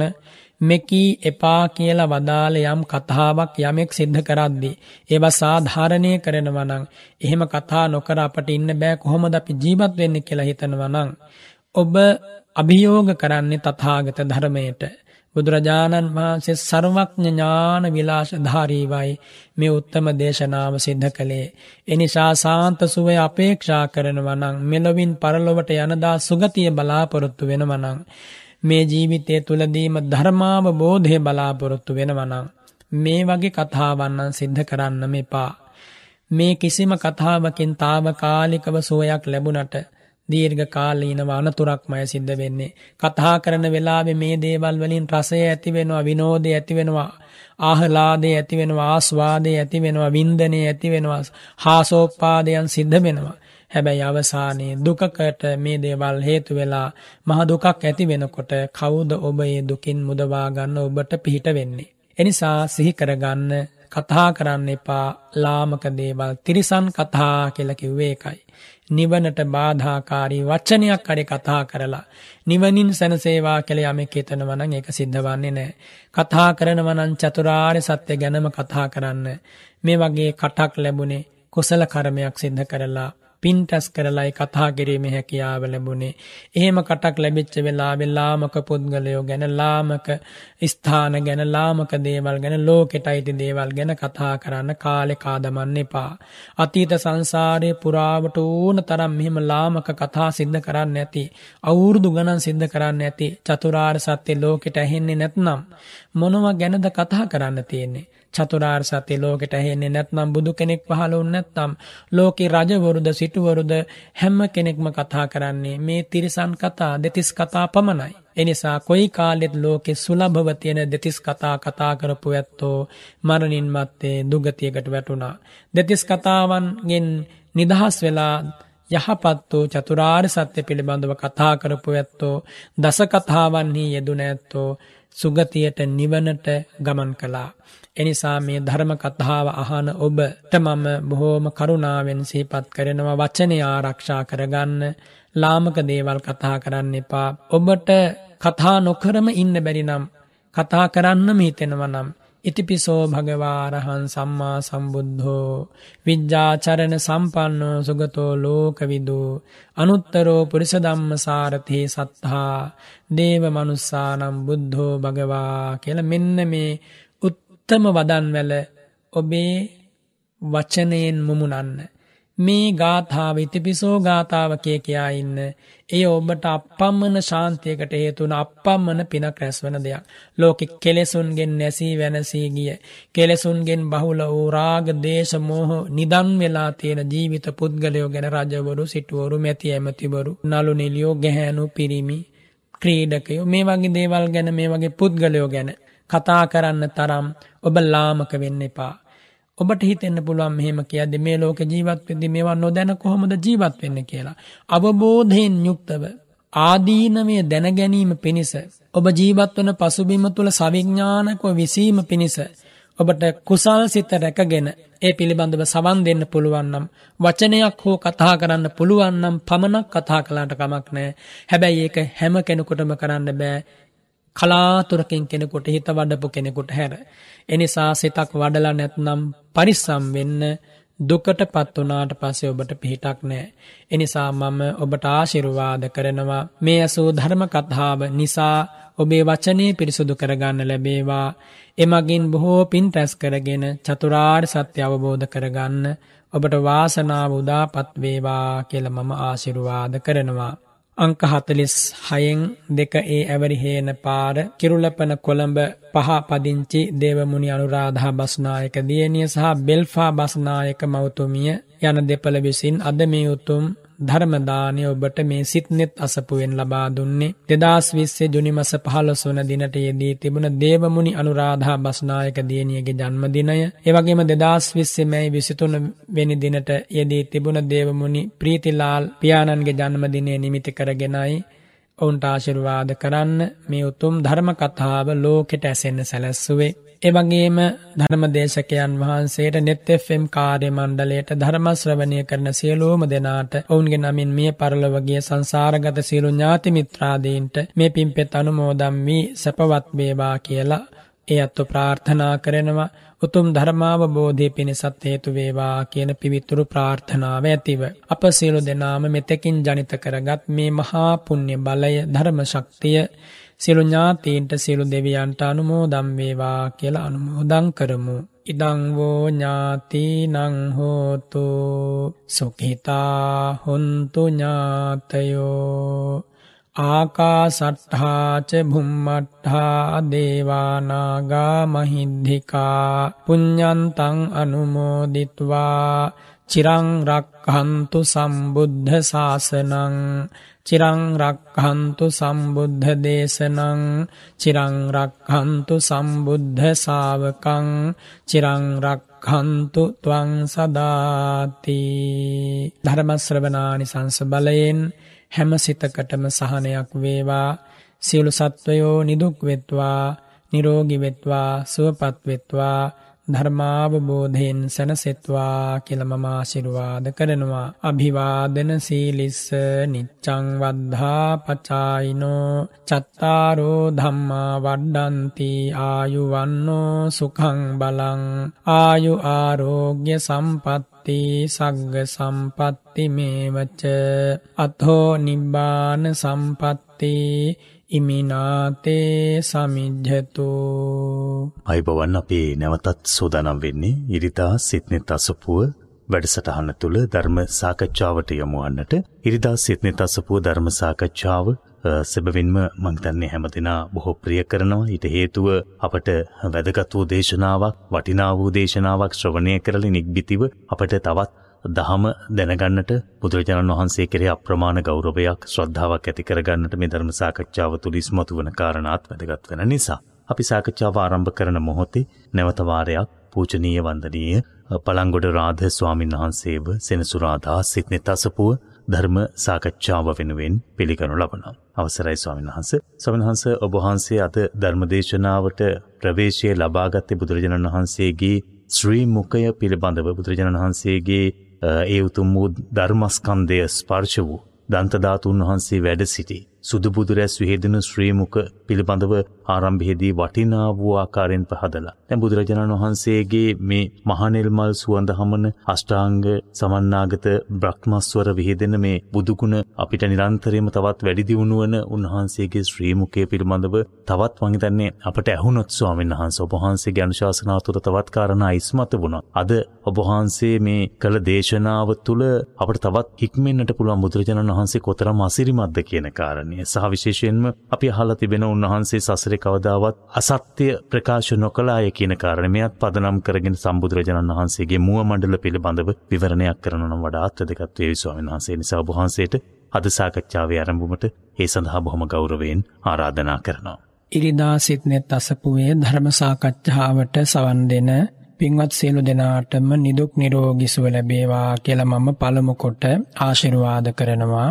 පින්වත් වරුණ බුදුරජාණන් වහන්සේ නම් වූ අසහාය අසම සම මහේෂාක්‍ය උතුමන් වහන්සේගේ සිරි මුවමඩල නිසා තමයි තුන්ලෝකයකට මේ දහම් අමා සැනසීම ලැබුණේ. ඒ භාග්‍යවතුන් වහන්සේ සුයුත්තවාදී ද්විපදාන මුත්තමෝ මහා භිසක් වූ නරධම්ම සාරතිය කියලයි කියන්නේ. සුයුත්තවාදී කියන්නේ කතා කළ යුතු කතා සුදුසු වෙලාවේ කාන්තයෙන් සිරිමෝ මඩලින් කතා කරනවා. විපදාන මුත්තමෝ දෙපා ඇති අය අතර අග්‍රස්ථානයට පත්වෙලායි මේ උත්තම බුද්ධරාජ්‍ය පිහිටුවන්නේ. මහා බිසක්කෝ බිසක්ක කියන්නේ වෛද්‍යවරයාට නමක් තථාගතයන් වහන්සේ මහා බිසක්ක ඒ කියන්නේ මහා වෛද්‍යවරයෙක් නරධම්ම සාරති දෙවි මිනිසුන් මේ උත්තම ධර්ම මාර්ගය තුල මනාව හික්මවන උතුමන් වහන්සේ. එනිසායි නරධම්ම සාරති කියන්නේ. සියලු කෙලෙස් රෝගයන්ට ප්‍රතිකාර කරනු ලබන්නේ භාග්‍යවතුන් වහන්සේ සිරි මුව මඩලෙන් වදාරන මිහිරි බුදු වදනින්. ඒ මුව මඩලේ අසිරිය වරුණ වචනවලින් කියන්න පුළුවන් තත්ත්වයක් නෙමෙයි. බුදුරජාණන් වහන්සේ කියන්නේ කල්ප කෝටි ප්‍රකෝටි ගණනක් පුරාවට වාක් සුචරිතය පුරුදු කරලා කරලා. ජීවිතය නිසාවත් අසත්‍යයක් ප්‍රකාශ නොකර.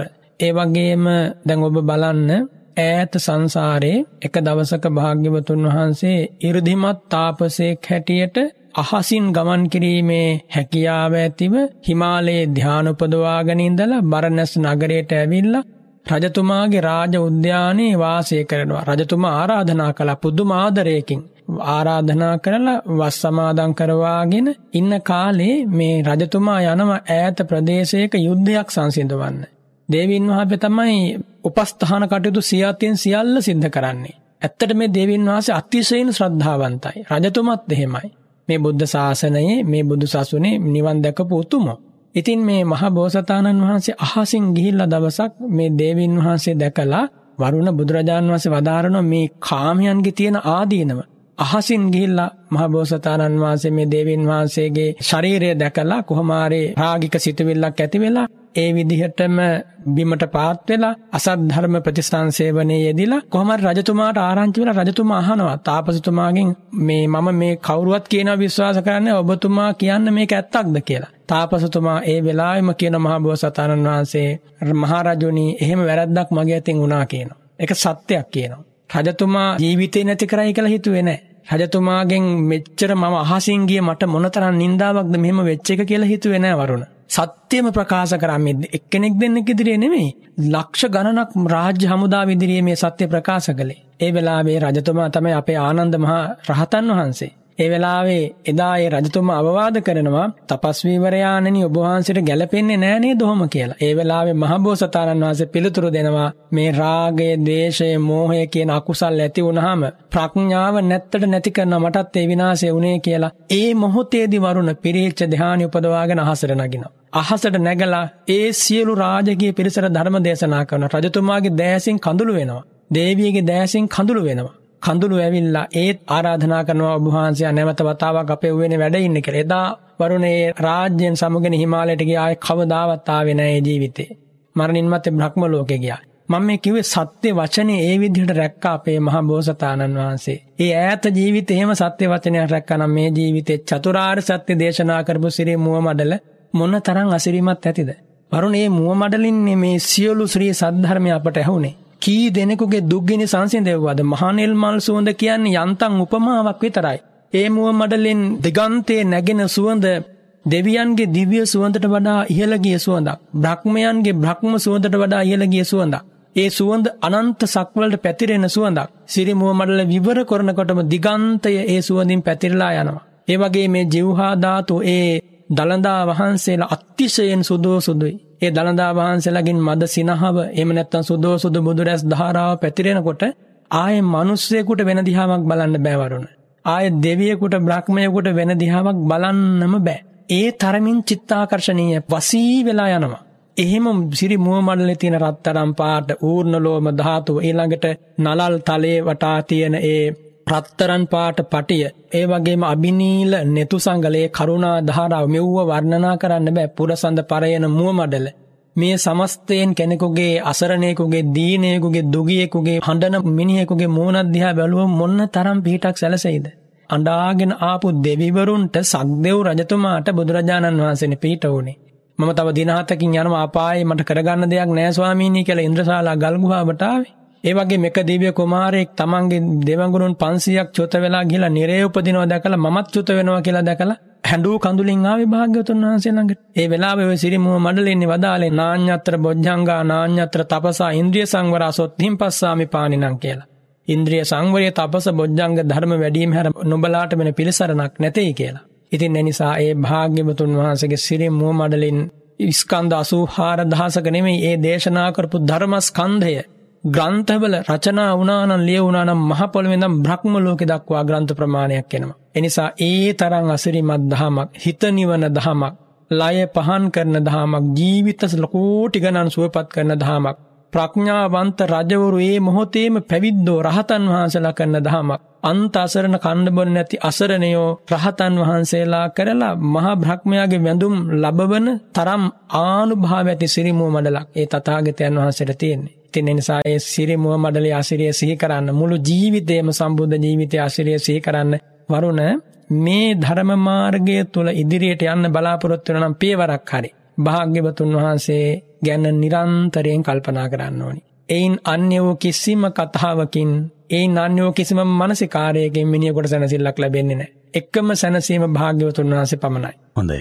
මම හිතන්නේ ඒ උතුම් වූ සැනසීම ලබන්නට අපි හැමදෑම බොහොම කැමැත්තෙන් තමයි මේ වැඩසටහන් ශ්‍රවණය කරන්නේ. වහන්සේ බුදුරජාණන් වහන්සේගේ අප්‍රමාණ ගුණ කදම්බය තමයි දිනෙන් දින මෙලෙසින් විග්‍රහ කෙරෙන්නේ. ඒ වගේම බුදුරජාණන් වහන්සේගේ උතුම් වූ මහනෙල් මල් සුවඳ දිගන්තයට විසිරී පැතිරේ යන හසිතෝත්පාදයක් සමග බුදුරජාණන් වහන්සේගේ සුදු බුදුරැස් ලෝකයට පතිත වුණු ඒ බුදුරජාණන් වහන්සේගේ ශ්‍රී මුඛයෙන් දේශනා කොට වදාළ ධර්මස්කන්ධය තමයි වහන්සේ මෙලෙසින් දේශනා කරන්නේ. ඉතින් අපේ සිත් කොතරම් භාග්‍යවන්තද මේ වගේ උතුම් ධර්මයක් අහන්නට අපි කොතරම් පින් කරලා තිබෙනවාද. ස්වාමීන් වහන්සේ ඔබ වහන්සේ දේශනාව තුළ ඒ දෙතිස් කතාවන් පිළිබඳව කළ විග්‍රහයත් සමග රාජ කතාව පිළිබඳව කළ පැහැදිලි කිරීමට අනුව අපිට දැන් රජ කෙනෙක් පිළිබඳව කතා බහ කරන්නට තිබෙන ඉඩකඩ කොතෙක්ද කියන කාරණය තවත් පහදා ගන්නට මා කැමතියි. සමහරවිට රජවරු ගැන අපි කතා කළ යුතු ආකාරය ඔබ වහන්සේ පැහැදිලි කළා. නමුත් අපේ ශාසනය ගැන කතා කරනකොට ඉතිහාසය ගැන කතා කරනවට අපට රජවරුන් මගහරින්නට හැකියාවක් නැහැ.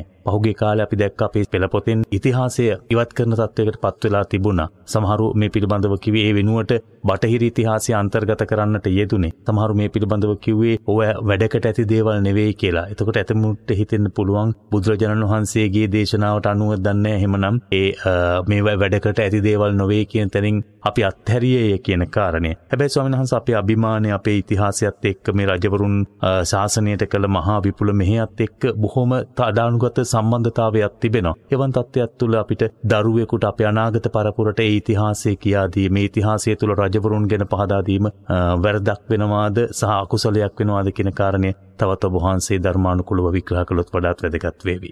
පින්වත් වරුණ බොහොම හොඳ කාරණයක් විමසුවේ දෙතිස් කතාවල බුදුරජාණන් වහන්සේ රජවරු ගැන කතා කිරීම තහනම් කළා. ඒ තහනම් කළේ මේ ධර්ම මාර්ගයට විරුද්ධ වන ආකාරයෙන් කතා කිරීම.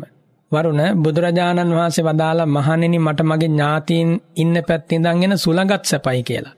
භාග්‍යවතුන් වහන්සේ ඒ ඥාතීන්ට එහෙම සැලකුවේ.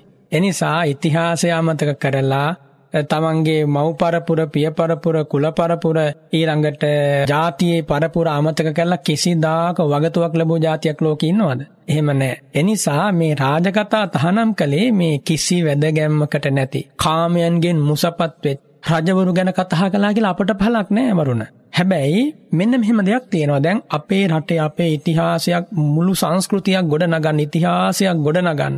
ජාතියක් ගොඩනගන්න ශාසනයක් බේරා දෙන්න දිරිදීපු රජවරු කොච්චර මේ මහ පොළොවේ මිහිදන් වුණාද? ඒ උතුම ගැන කතා කරනව නෙමෙයි කතා කර කර උදේ හවා වඳින්න ඕනි. පිළිම හදලා වන්දනා කරන්න ඕනි වරුණ. දුටුගැමුණු රැතුමාගේ පිළිම හදලා ඔය හැම පන්සලකම වන්දනා කරන්න ඕනි. මේ ගිහියත් ඒ තරමින් මේ එනිසා මේ කියන්නේ වරුණ එහෙම රජවරු ගැන නෙමෙයි. දැන් බුදුරජාණන් වහන්සේ වදාලේ රජෙක් ගැන කතා කරද්දී නූපන් රාගය, නූපන් ද්වේෂය, නූපන් මෝහය ඇති වෙනවා නම්, කෙලෙස් ඇති වෙනවා නම්, හිතේ ගාය වැඩි වෙනවා නම්, අන්නේ මගේ කතා වලින් මේ ධර්ම මාර්ගයට පළක් නැහැ. හැබැයි දුටුගැමුණු රැතුමා ගැන කතා කරනකොටම පහන් සංවේගයක් ඇති වෙන රුවන්වැලි සෑය සිහි වෙනවා. මම මේක උදාහරණයක් කිව්වේ. දැන් ධර්මාශෝක රජතුමා ගැන අපිට කතා කරන්න පුදුමාකාර අයිතියක් තියෙනවා. එතුමා මහා සංහාරයක් කරපු කෙනෙක් තමයි. නමුත් දෙවනුව ඒ තරමින් පවිටු මානසිකත්වයේ අතහැරලා මේ ශාසනයට පැමිණිලා ශ්‍රද්ධාවේ පිහිටලා මේ තරම් ලෝකෝපකාරයක් කළා. අන්නේ විදිහට අපේ ඉතිහාසය ගැන අපේ දරුවන්ට කියලා දෙන්න ඕනි. ඉතිහාස පොතෙන් මේ කතාව අයින් කරනවා කියන්නේ වරුණ ඒක ඉතාමත්ම ද්වේෂ සහගත ක්‍රියාවක්. තාමත්ම පාපී ලාමක ක්‍රියාවක්. ඒක පැහැදිලි ලෙස කිව යුතුයි. හැබැයි මෙතන මේ රාජගත හතහනම් කරේ දැන් භික්ෂුන් වහන්සේ කෙනෙක් ගන්නකො වරුණ. භික්ෂුන් වහන්සේ කෙනෙක් සමාධිය පුරුදු කරද්දී සිල් ගුණ ධර්ම ආරක්ෂා කරලා නිතර නිතර රජවරු ගැන කතා කරන්න ගියොත් ওই වැදගත්කමකට නැති. අන්න ඒම තැන්වලදී මේ ස්වාමීන් වහන්සේගේ සමාධිය පිරිහෙන්න මේක හේතුවක් වෙනවා. එනිසා දැන් අපි ගත්තොත් ඔය තියෙන විවිධ කතන්දර ඔය රාමායන ආදී වශයෙන් විනෝදාස්වාදයේ පිණිස. ඒ කියන්නේ ලාමක කතන්දර ඒ කියන්නේ මිනිසුන්ගේ මේ හාස්‍ය උපදවන කතන්දර යුද රසය උපදවන කතන්දර. එන්නේ හැම රජවරු ගැන කතා කිරීමයි මේ තහනම් කළේ. දැන් අපි ගත්තොත් මේ වගේ කාලයක දැන් ඇමරිකාවේ ඉන්න ජනාධිපති ගැන කතා කිරීම සත්ත පහකට වැඩක් නෑ වරුණ. ඒ වගේම මේ වගේ කාලෙක මේ ලෝකයේ ඉන්න කිසිම රටක ජනාධිපතිවරයෙක් ගැන කතා කිරීම අතිශයින් ලාමකයි. අසනස අපි දකිනවා දැන් මේ Facebook කරා නැත්තම් මුහුණු පොත හරහා වැඩිපුරම පහුගිය කාලෙත් රට පාලනය කරපු රජවරුන් පිළිබඳව කතා බහ කළා. ඒ කියන්නේ වත්මන් මේ රටවල් පාලනය කරන පාලකයන් පිළිබඳ කතා බහ කළා. බොහොම විහිළු සහගත ආකාරයේ දිනින් දින දිනින් දින විහිළු සපයන්නන් බවට රජවරු පත් වෙලා තිබුණා. දැන් මේ වගේ සංස්කෘතියක් තමයි දැන් අපි වැළඳගෙන තිබෙන්නේ. අර ඔබ වහන්සේ පහදලා දුන්නු වටිනාකමක් තියෙන රජවරුන් පිළිබඳව ඉතිහාස පෙළ පොතේ නිවත් කරපු රජවරුන් පිළිබඳව තිබෙන වටිනාකම එලෙසින් අපේ ඉතිහාසය කුණුකූඩයට දාලා වත්මන නිකම් බොහොම විහිළු සපයන තත්වයට පත්වන කාරණාවන් පිළිබඳව රජවරුන් පිළිබඳව කතා බහ කරන තරමට සමාජයේ පිරිහිලා තිබෙන ස්වාමීන් වහන්සේ. එතකොට මේ අපි අකුසලයන් පිළිබඳව තමයි වැඩි වශයෙන් නැඹුරු වෙවි නැඹුරු වෙවි තවත් ඒ තුරටම කිඳා බහින ස්වරූපයක් තමයි සමාජයේ දකින්නේ. ඒ නිසා ස්වාමීන් වහන්සේ ඔබ වහන්සේගෙන් මා දැනගන්නට කැමතියි එවන් තත්වයක් තුල අපි අපේ ජීවිත හැඩගස්වා ගන්නකොට සත්‍ය වචනය කෙරෙහි තිබෙන ගෞරවය අපේ හිතේ ඇති වෙනවාසේම අපි ඒ සඳහා යොමු වීමේ වැදගත්කම වැදගත්කමක් තිබෙනවා නේද මොකද අද වර්තමාන සමාජය දිහා බලන විට මාධ්‍ය දිහා බලන විට වැඩිපුරම අපේ කටින් නැත්නම් අපේ මුවෙන් නික්මෙන්නේ ඔබ වහන්සේ කියපු මේ දෙතිස් කතාවමයි. ඒ නිසා අපි වැඩි වශයෙන් අකුසලයට නැඹුරු වෙලා තිබෙන්නේ අපිට ඒ පිළිබඳ වුවමනාවක් නැතිකමද කුමක්ද ස්වාමීන් වහන්සේ ඔබ වහන්සේ දකින ආකාරයට මේට හේතුව? වරුණ එක පැත්තකින් මේකේ අවදානම දකින්නේ නැහැ. ඒ කියන්නේ දැන් මෙහෙම මේ වචනය වරදවා ගත්තොත් වන විපත දන්නේ නැතිකම පළවෙනි කාරණය. ඒ වගේම ඇබ්බැහිවීම දෙවන කාරණය. තුන්වන කාරණේ කිසිම ක්‍රමවේදයකින් තොරව තාමත්ම ලාමක ලෙස ඒ බඳු මාධ්‍යවල හැසිරීම. එතකොට දැන් මේ රාජකතා, චෝරකතා, මහාමත්ත කතා, සේනා කතා මේවත් එපා කියලා කිව්වේ වරුණ මේ දේවල් වලින් පුද්ගලයෙකුගේ මනසක් ඇවිස්සෙනවා. සාමාන්‍ය ප්‍රකෘතිය තමයි පුද්ගලයෙකුගේ මනස දැන් භය කතා, යුද කතා, අන්න කතා, නොයෙක් විදි හොල්මන් කතා, යුද පිළිබඳව කතාන්දර දැන් මේවා විතරමනේ දැන් මිනිසුන්ට ඇහෙන්නේ බලන්නකො මුළු දවස පුරාවටම එක්ක කෑම බීම ගැන අන්න කතන් කියලා කියන්නේ කෑම ගැන කතා කරනවා. පාන කතන් කියන්නේ බොන දේවල් ගැන කතා කරනවා. වත්ත කතන් කියන්නේ ඇඳුම් ගැන කතා කරනවා. ඔయిత වඩා දෙයක් කතා කරනවද වර්ණ මේ එළිය සමාජේ? ඔව් මාධ්‍ය තුල වැඩිපුරම විකිනෙන්නෙත් මේ වගේ කාරණා තමයි. වැඩිපුරම නෙමෙයි මං හිතන්නේ මුළුමනින්ම වාගේ. එහෙමයි සවනස්. ඒ කියන්නේ මුදලට මුදලට හැරවිච්ච සමාජයක් තියෙන්නේ මේ මේ කාරණා නිසා. මුළුමනින් මෙතකොට බලන්න මේ ධර්ම මාර්ගෙන් කොච්චර අපි ඉවතට ගිහිල්ලාද? වචනය අසංවර වෙනවා කියන්නේ වරුණ සිත අසංවර වෙනවා කියන එකනේ. අසංවර නැති සිතකින් අසංවර වචන පිට වෙන්නේ නැහනේ. සංවර සිතකින් සංවර වචනය පිට වෙන්නේ. එනිසා දැන් මේකේ දෙතිස් කතාම යම් මිනිසෙකුගේ වචනයෙන් පැන නගිනවා නම් එයාගේ හිතේ වෙනකොට අසංවර වෙලා ඉවරයි. අසංවර වුණා කියන්නේ මොනවද ඒ හිතේ පහළ වුණේ එක්කෝ ලෝභ මූලසිත පහළ වුණා. එහෙම නැත්නම් ද්වේෂ මූලසිත පහළ වුණා. එතකොට මේ පුද්ගලයා මුල් ද්වේෂ මූලසිත එහෙම නැත්නම් ලෝභ මූලසිත ඒ පුද්ගලයා මුළුමනින්ම දුකට වැටෙන මහා කර්ම රැස් කර ගන්නවා. මේ කිසි වැදගත්කමකට නැති අදාළ නොවන අපරාධයේ මේ කතා කිරීමේ හැකියාව මේ වචනය වර්ධවා ගන්න හොඳ නැහැ. එනිසා ඔය ලාමක දේවල් කෑම බීම ගැන වේවා ලාමක දේවල් ගැන කතා කරන්න ගිහිල්ලා මිනිස්සු පිරිහිලා අවසානයේ දුකට වැටිච්ච දවසට ඔය කවුරුවත් නැහැ බේරගන්න. එනිසා දැන් රාජකථා විතරක් නෙමෙයි සොරු ගැන මංකොල්ල කණ්ඩායම් ගැන මහා ඇමතිවරු ගැන යුද සේනාවන් ගැන මේවා තහනම් කරලා තියෙන බුදුරජාණන් වහන්සේ. එහෙම සොනස අවසර මට දැන් එතකොට ස්වාමීන් වහන්සේ අපි අපේ ජාතක කතා සංග්‍රහය දිහා බලන විට ජාතක කතාවලත් මේ වගේ කාරණා පිළිබඳව ඉස්මතු වුණු අවස්ථාවන් තිබෙනවා නේද? එතකොට අත වරදක්ද අපි ජාතක කතා පොත් වහන්සේ තුල තිබෙනව මේ කාරණා සිහිපත් කිරීම? නෑ නෑ ජාතක පොත් වහන්සේ තුළ යුද කතා තියෙනවා. විවිධ කතා තියෙනවා. අවසානයේ ඒ කතා සියල්ලෙන්ම ශ්‍රාවකයාව අරන් එනම වරුණ මේ සියලු සංස්කාර ධර්ම අනිත්‍යයි මේවා නැසී වෙනස් ගියා කියලා ඒ සෑම දෘෂ්ටාන්තයකින්ම මතු කරන්නේ සද්ධර්මය සත්පුරුෂකම. පාරමී ධර්ම මතු කළ දෙන්න මේ දේවල් කියන්නේ. දැන් අපි ගත්තොත් උම්මග්ග ජාතකයේ මහා යුද්ධයක් කරුණා යුද්ධය ගැන දිගට වර්ණනා කරනවානේ. ඒ වර්ණනා කළ අවසාන ප්‍රකාශ කරන අප මහා බෝසතාණන් වහන්සේ. කුහුඹුවෙක් බොන තරම්වත් ලේ නොසොල්වා ඒ යුද්ධයෙන් ජයාරගෙන දෙපිරිසම බේරලා දෙපිරිසම ධර්මය සමාදන් කරා කියලා. අන්න ඒක කියන්න ඒ කතාව කියන්නේ මේ වර්තමානයේ තියෙන කතාවල කාමයන්ගේ ආස්වාදය පුළුවන් තරම් මතු කරනවා. කාමයන්ගේ ආදීනව ගැන ඔවුන් දන්නේ නැහැ. කාමයන්ගේ ආස්වාදේ විතරක් මතු කරලා අතහරිනවා. ඉතින් ඒ නිසා අපේ ජාතක පොත් වහන්සේගේ තියෙන පරමාදර්ශී කතා ඒව ඇත්තට ජීවිත කැඩපත් කියලා කියන්න පුළුවන්. ජාතක පොත් වහන්සේ සෑම බෞද්ධයෙක් විසින්ම පරිශීලනය කළ යුතුයි. එමගින් පුදුම චරිත සංවර්ධනයක් ඇති වෙන්නේ, පුදුම මානසික ශක්තියක් ඇති වෙන්නේ. පුදුම දැක්මක් ඇති වෙන්නේ පුදුම ගුණධර්ම ටිකක් ඇති වෙන්නේ. ඉතින් ඒ නිසා ජාතක පොත් වහන්සේගෙන් අපට ලබා දෙන පරමාදර්ශය එක අසහාය පරමාදර්ශයක්. ඒ නිසා මේ වරුණ ඒ කතන්දර අපේ ධර්ම සාහිත්‍ය තුල තියෙන කතන්දර අපිට ඒකාන්තයෙන් ආශිර්වාදයක්. මෙකී කතන්දර අපිට ඒකාන්තයෙන් ශාපයක්. ඒ නිසා වෙනස හඳුනා. ස්වාමීන් වහන්සේ මම මෙහෙම වහන්සේගෙන් විමසුවොත් එහෙම යම් කෙනෙක් හිතුවොත් එහෙම මේ කියන කතා කතා කරන කතා නෙමෙයි එහි හරයයි වැදගත් වෙන්නේ. අපි ඕනෑම දෙයක් දෙයක් කතා කරන විට ඒ තුලද අකුසලයේ තිබෙන්නේ නැත්නම් ඒ තුල අපි ලබා ගන්නා වූ හරය. දැන් ඕනම දෙයක් අහන්න පුළුවන්. හැබැයි අප ගත යුත්ත අරගත්තා නම් ඒ තුල අකුසලයක් අපට රැස් වෙන්නේ නැහැ නේද? දැන් අපි සමාජයේ බොහෝ වෙලාවට අර වහන්සේ මේ ජාතක පොත් වහන්සේ මතක් කළා වගේම වර්තමානයේ ඇතැම් දේවල් අපි ග්‍රහණය කරනවා. ඒ තුල ඇතැම් වෙලාවට සැබෑ ස්වરૂපය යට සැඟවී තිබෙන අවස්ථාවන් තිබෙන්නට පුළුවන් නේද? ඒ තුල හොඳක් නේද ස්වාමීන් වහන්සේ? වෙන මං උදාහරණයක් විදිහට මෙහෙම කිව්වොත් එimhe දැන් වර්තමානයේදී යම් පාලකයෙක් පිළිබඳව සමාජ මාධ්‍ය තුළ විවිධාකාරයේ විහිළු සහගත ප්‍රවෘත්තීන් යනවා කියලා අපි හිතමුකෝ. ඒ තුළ රටක් තුළ ඉන්න ජනතාව ගම්ම්‍ය කරගන්නවා මේ විහිළු සපි දැන් ඔහුගේම ප්‍රකාශයන් ඒ ආදි වශයෙන් අපිට අහන්නට දකින්නට ලැබෙනකොට මේ සුදුස්සෙක් නොවෙයි. මොහු පාලකෙක් නොවේ මෙහෙම කියලා අපිට යම් චරිතයක් පිළිබඳව පූර්ව නිගමනයකට එළඹීම හැකියාවක් තිබෙනවනේ දේ තුළ යම් ආකාරයකට අපේ අනාගතයට යම් අපි ගන්නා තීන්දු තීරණවලට හොඳ ශක්තියක් ලැබෙනවනි ස්වාමීන් වහන්ස. ඒක හරි ජීවත්වන සමාජය පිළිබඳව සවිඤ්ඥානික වීම ඉතාම වැදගත්. අවිඤ්ඥානික වීම තුළ බොහෝ අනතුරු වෙන්න පුළුවන්. ඒක ඒකාන්තයෙන්ම සත්‍ය කාරණයක්. එතෙන්දී මම සඳහන් කළේ මේ උතුම් ධර්ම කතාව තුළ ඒ හැම දෙයක්ම තේරුම් ගන්නවා දැනගන්නවා හැබැයි අර ආස්වාදය ඇතිවන විදිහට අපි හිතමුකෝ එබඳු පුද්ගලයෙක් ගැන වුණත් අපි කතා කරද්දී අපේ හිතේ හාස්‍ය උපදිනවා නම් අර ඒව කතා කරන්න කැමැත්තක් එනවා නම් කුණු රසයට හිත යනවා නම් අන්න එතනයි තියෙන ප්‍රශ්නේ. නැත්තම් ඒ දේවල් දැන ගැනීම ඉතා වැදගත්. නොදැන සිටියොත් මහා අනතුරක් වෙන්න පුළුවන්. ඒ නිසා සමාජයේ ජීවත් වන මිනිස්සු ඒ පිළිබඳව දැනගෙන ජීවත් වෙන්නට ඕන. හැබැයි එහෙම දැනගෙන ඒවට ආවඩන්න යන්නේ නැතිව තමන්ගේ ජීවිතයත් තම වර්ගයාගේ ජීවිතත් තම රටේ අනාගතයත් තම ජාති අනාගතය රැකෙන විදිහට ඒ පුද්ගලයෝ වගකීමෙන් හැසිරෙන්නට ඕන. එනිසා ඒ උදෙසා තොරතුරු දැන ගැනීම නරක නෑ. හැබැයි වරුණ මෙතෙන්දි කාරණයක් කියන්නට ඕන. ඍජුවම මේ ධර්ම මාර්ගයේ හැසිරෙන ශ්‍රාවකයෙකුට නම් ඔය වල්පල් නම් ඊටාම පලිබෝධ හානි කරයි. ඒක ඒකාන්තයෙන් කතා කරන්නට ඕනි. ඒවත් ඕන මේවත් ඕන කියලා දෙකක් අල්ලගෙන මේක කරන්න බෑ. නාසා ඉන්න තරමටම හොඳයි.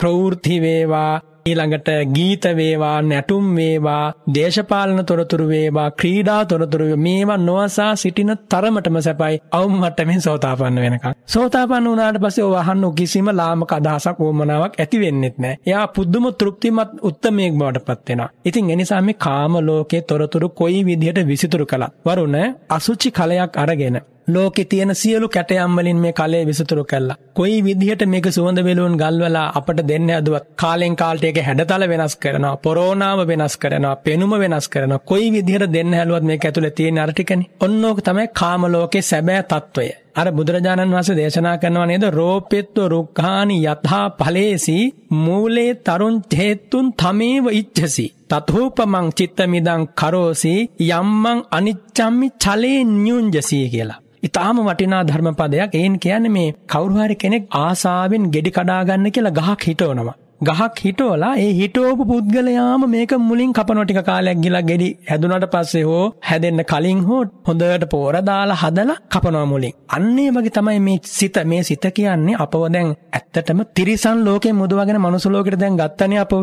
ඊළඟට දුගතියේ මුදවල මනුසලෝකට ගන්න අපේ හිත රැකගත් එක වැදගත් වුණානේ. සංසාර ජීවිතවල පෙර ජීවිතේ විශේෂයෙන් හිත රැකගෙන රාගානුසයට පටිඝානුසයට මානානුසයට දිඨානුසයට හිත යන්න නොදී රැකගත් එක ඒකාන්තයෙන් වැදගත් වුණානේ. එනිසානේ අපට මේ සොඳුරු අවස්ථාව හිමි වුණේ මේ බණපදේ අහන්න. දැන් එහෙම අපවම හදාගත්ත මේ ලස්සන ගස වගේ ධර්ම ස්වභාවය අපිම මුලින් කපනවා දැන් මේ ජීවිතේ මේ දෙතිස් කතා කරලා. ඉතින් එනිසා මේකෙදි තාමත්ම සැලකිලිමත් වුණ නැත්නම් පින්වත් ඔබ මේ වගේ කාලයක මේ දෙතිස් කතාමයි වැඩි. අනිත් එක මේ දෙතිස් කතා කියන අය කියන අයට වෙන විපාකයක් වරුණ දන්නවද? දෙතිස් කතා මේ කියපු එකම කතාවකින් හෝ අහන් ඉන්න මිනිසෙකුගේ හිතේ යම් සතුටක් ඉපදෙව්වොත් හෝ ද්වේෂයක් ඉපදුවොත් එයා යන්නේ නිරේ කියලා. ඔය ඒ කාලේ හිටියා වරුණ තාලපුට ගාමණී කියලා නැට්ටුකාරයෙක්. ඒ අතරම නැට්ටුකාරයෙක් කියන්නේ මේ පහත් නැට්ටුකාරයෙක් නෙවෙයි. ඊටා දක්ෂ විදියට නර්තන දක්වන තරුණ කුමාරිකාව 500ක් මෙයාගේ නර්තන කණ්ඩායමේ ඉන්නවා. මේ සියලු දෙනා ගිහලා නර්තන දැක්ුවට පස්සේ ඒ ප්‍රදේශවල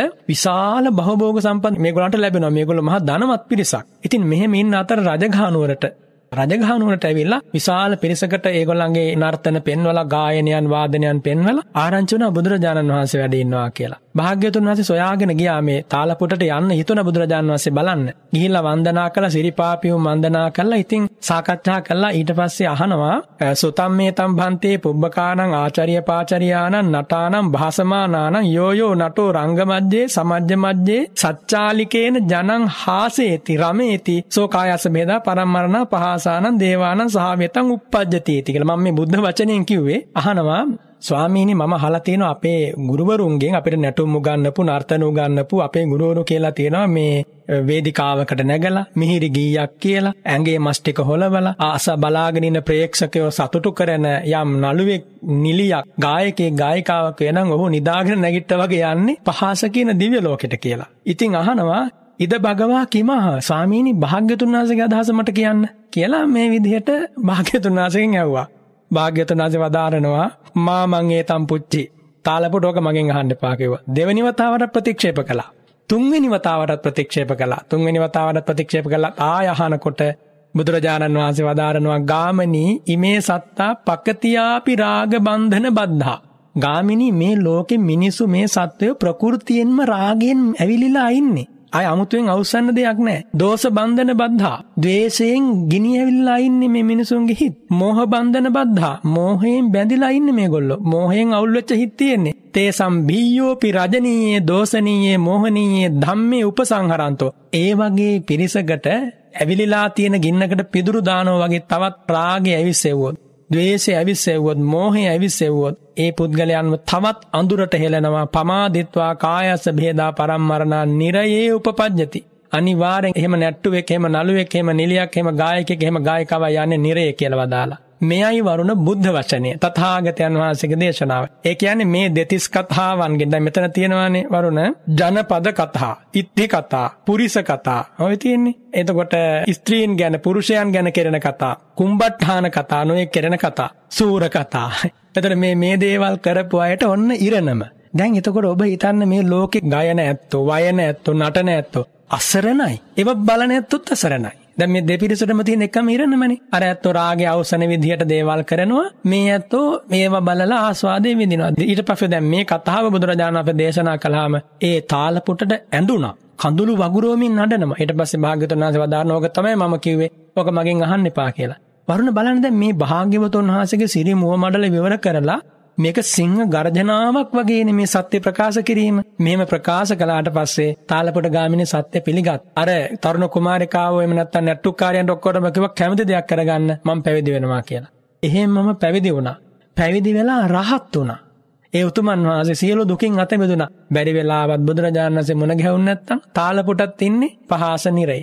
එතකොට මම මේ කිව්වේ මේ ලෝකෙ මහ පුදුම රඟමඩලක් වෙලා තියෙන මේ කාලේ. මිනිස්සු අන්ද මන්ද වෙලා කුඩා වයස්වල මේ චූටි දැරිවියන්ගේ පටන් චූටි දරුවන්ගේ පටන් මින් මහල්ලෝ දක්වාම මේ කාමයන්ගෙන් මුසපත් වෙලා. එතකොට මෙහෙම පසුබිමක දෙතිස් කතා උදේ අවදි වෙච්ච වෙලාවෙ ඉඳන් කන් වලින් ඇහෙන දෙතිස් කතානේ. නින්දට යනකම් ඊට පස්සේ ඕවා තව කී දෙනෙකුට සමාදම් කරනවද කියලා. අනිත් අයට ඒව රස කර කර කියනවා. මේක මෙහෙමයි මේක මෙහෙමයි කියලා. ඉතින් මෙහෙම පිරිසකට නිවන් දකින්න ලැබෙයි කියලා ඔබ හිතනවාද?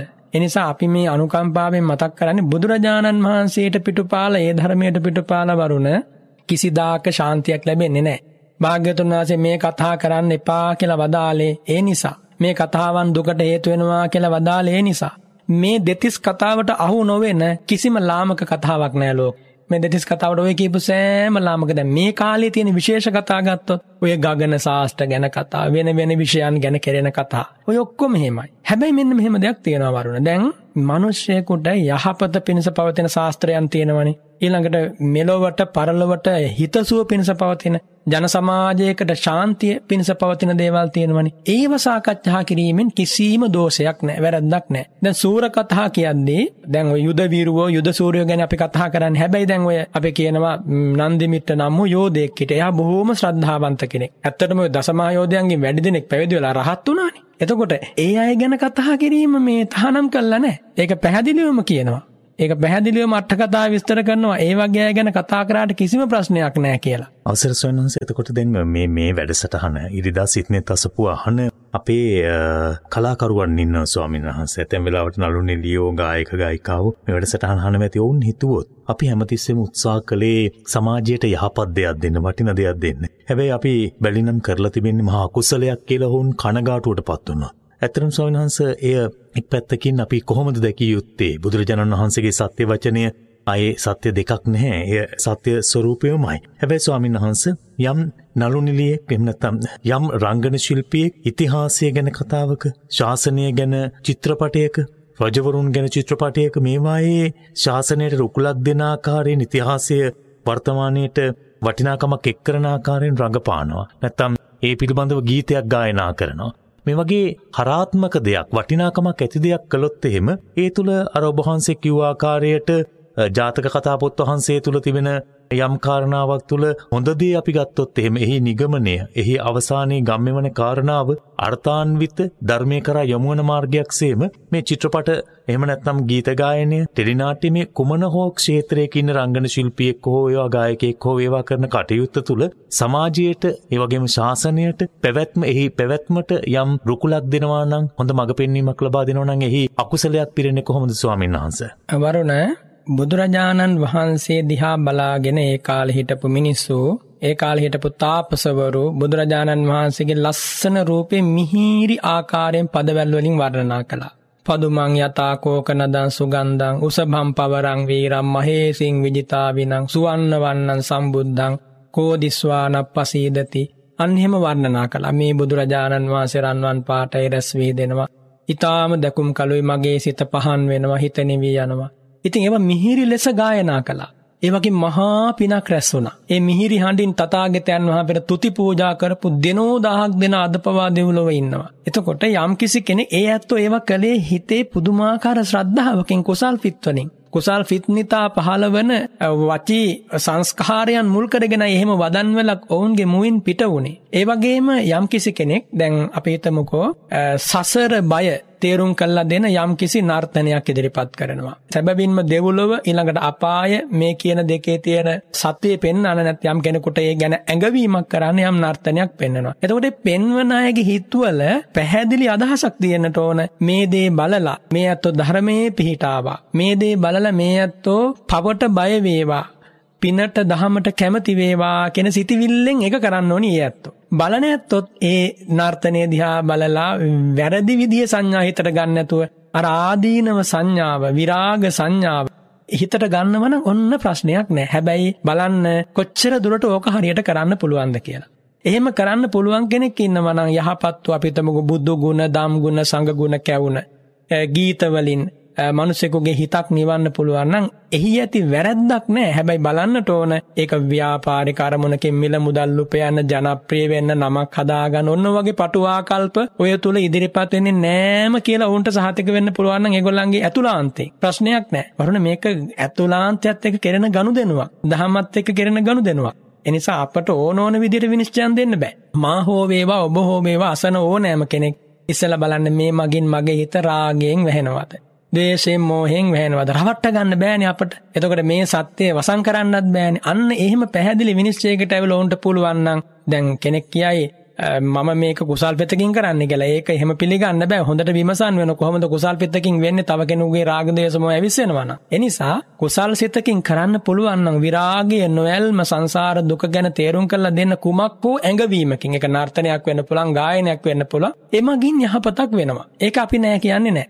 එහෙම වුණොත් එයාට අලාභයක් වන්නෙත් නෑ. හැබැයි එහෙම දේවල් වරුණ 100ට කීයද තියෙන්නේ මේ සමාජේ? අල්පයි. අල්පයි. අල්පයි නෙවෙයි තාමත්ම ස්වල්පයි. තාමත්ම ශේෂයක් තියෙන්නේ. ඉතින් ඒ නිසා ඒ විදිහට නම් අර දැන් ඒ කාලේ තිබ්බ වරුණ ඔය එක ලස්සන කුමාරිකාවක් නෙළුම් මිලක නෙළුම් නෙලනවා. නෙළුම් නෙලද්දි මෙයා අනිත්‍ය ප්‍රතිසංයුක්ත කවි ටිකක් තමයි ලස්සනට කියන්නේ. ඒ වැව් බැම්මෙන් වඩිනවා ස්වාමීන් වහන්සේලා පිරිසක්. එතකොට මේ ස්වාමීන් වහන්සේලාට ඇහෙනවා මේ අනිත්‍ය ප්‍රතිසංයුක්ත මිහිරි වදන්වල. මේ අහලා ස්වාමීන් වහන්සේලාට අනිත්‍ය සංඥා වැඩිලා ඒ හේතු වෙන උන්වහන්සේලාට රහත් වෙන්න. ඉතින් එනිසා එහෙම දේවල් වුණොත් ඒක ඒකාන්තයෙන් ශ්‍රේෂ්ඨයි. එනිසා ඔය කටහඬ ලස්සනට තියෙන ඇත්තෝ මේ රූපේ ලස්සනට තියෙන ඇත්තෝ හරියට පරිස්සම් වෙන්න.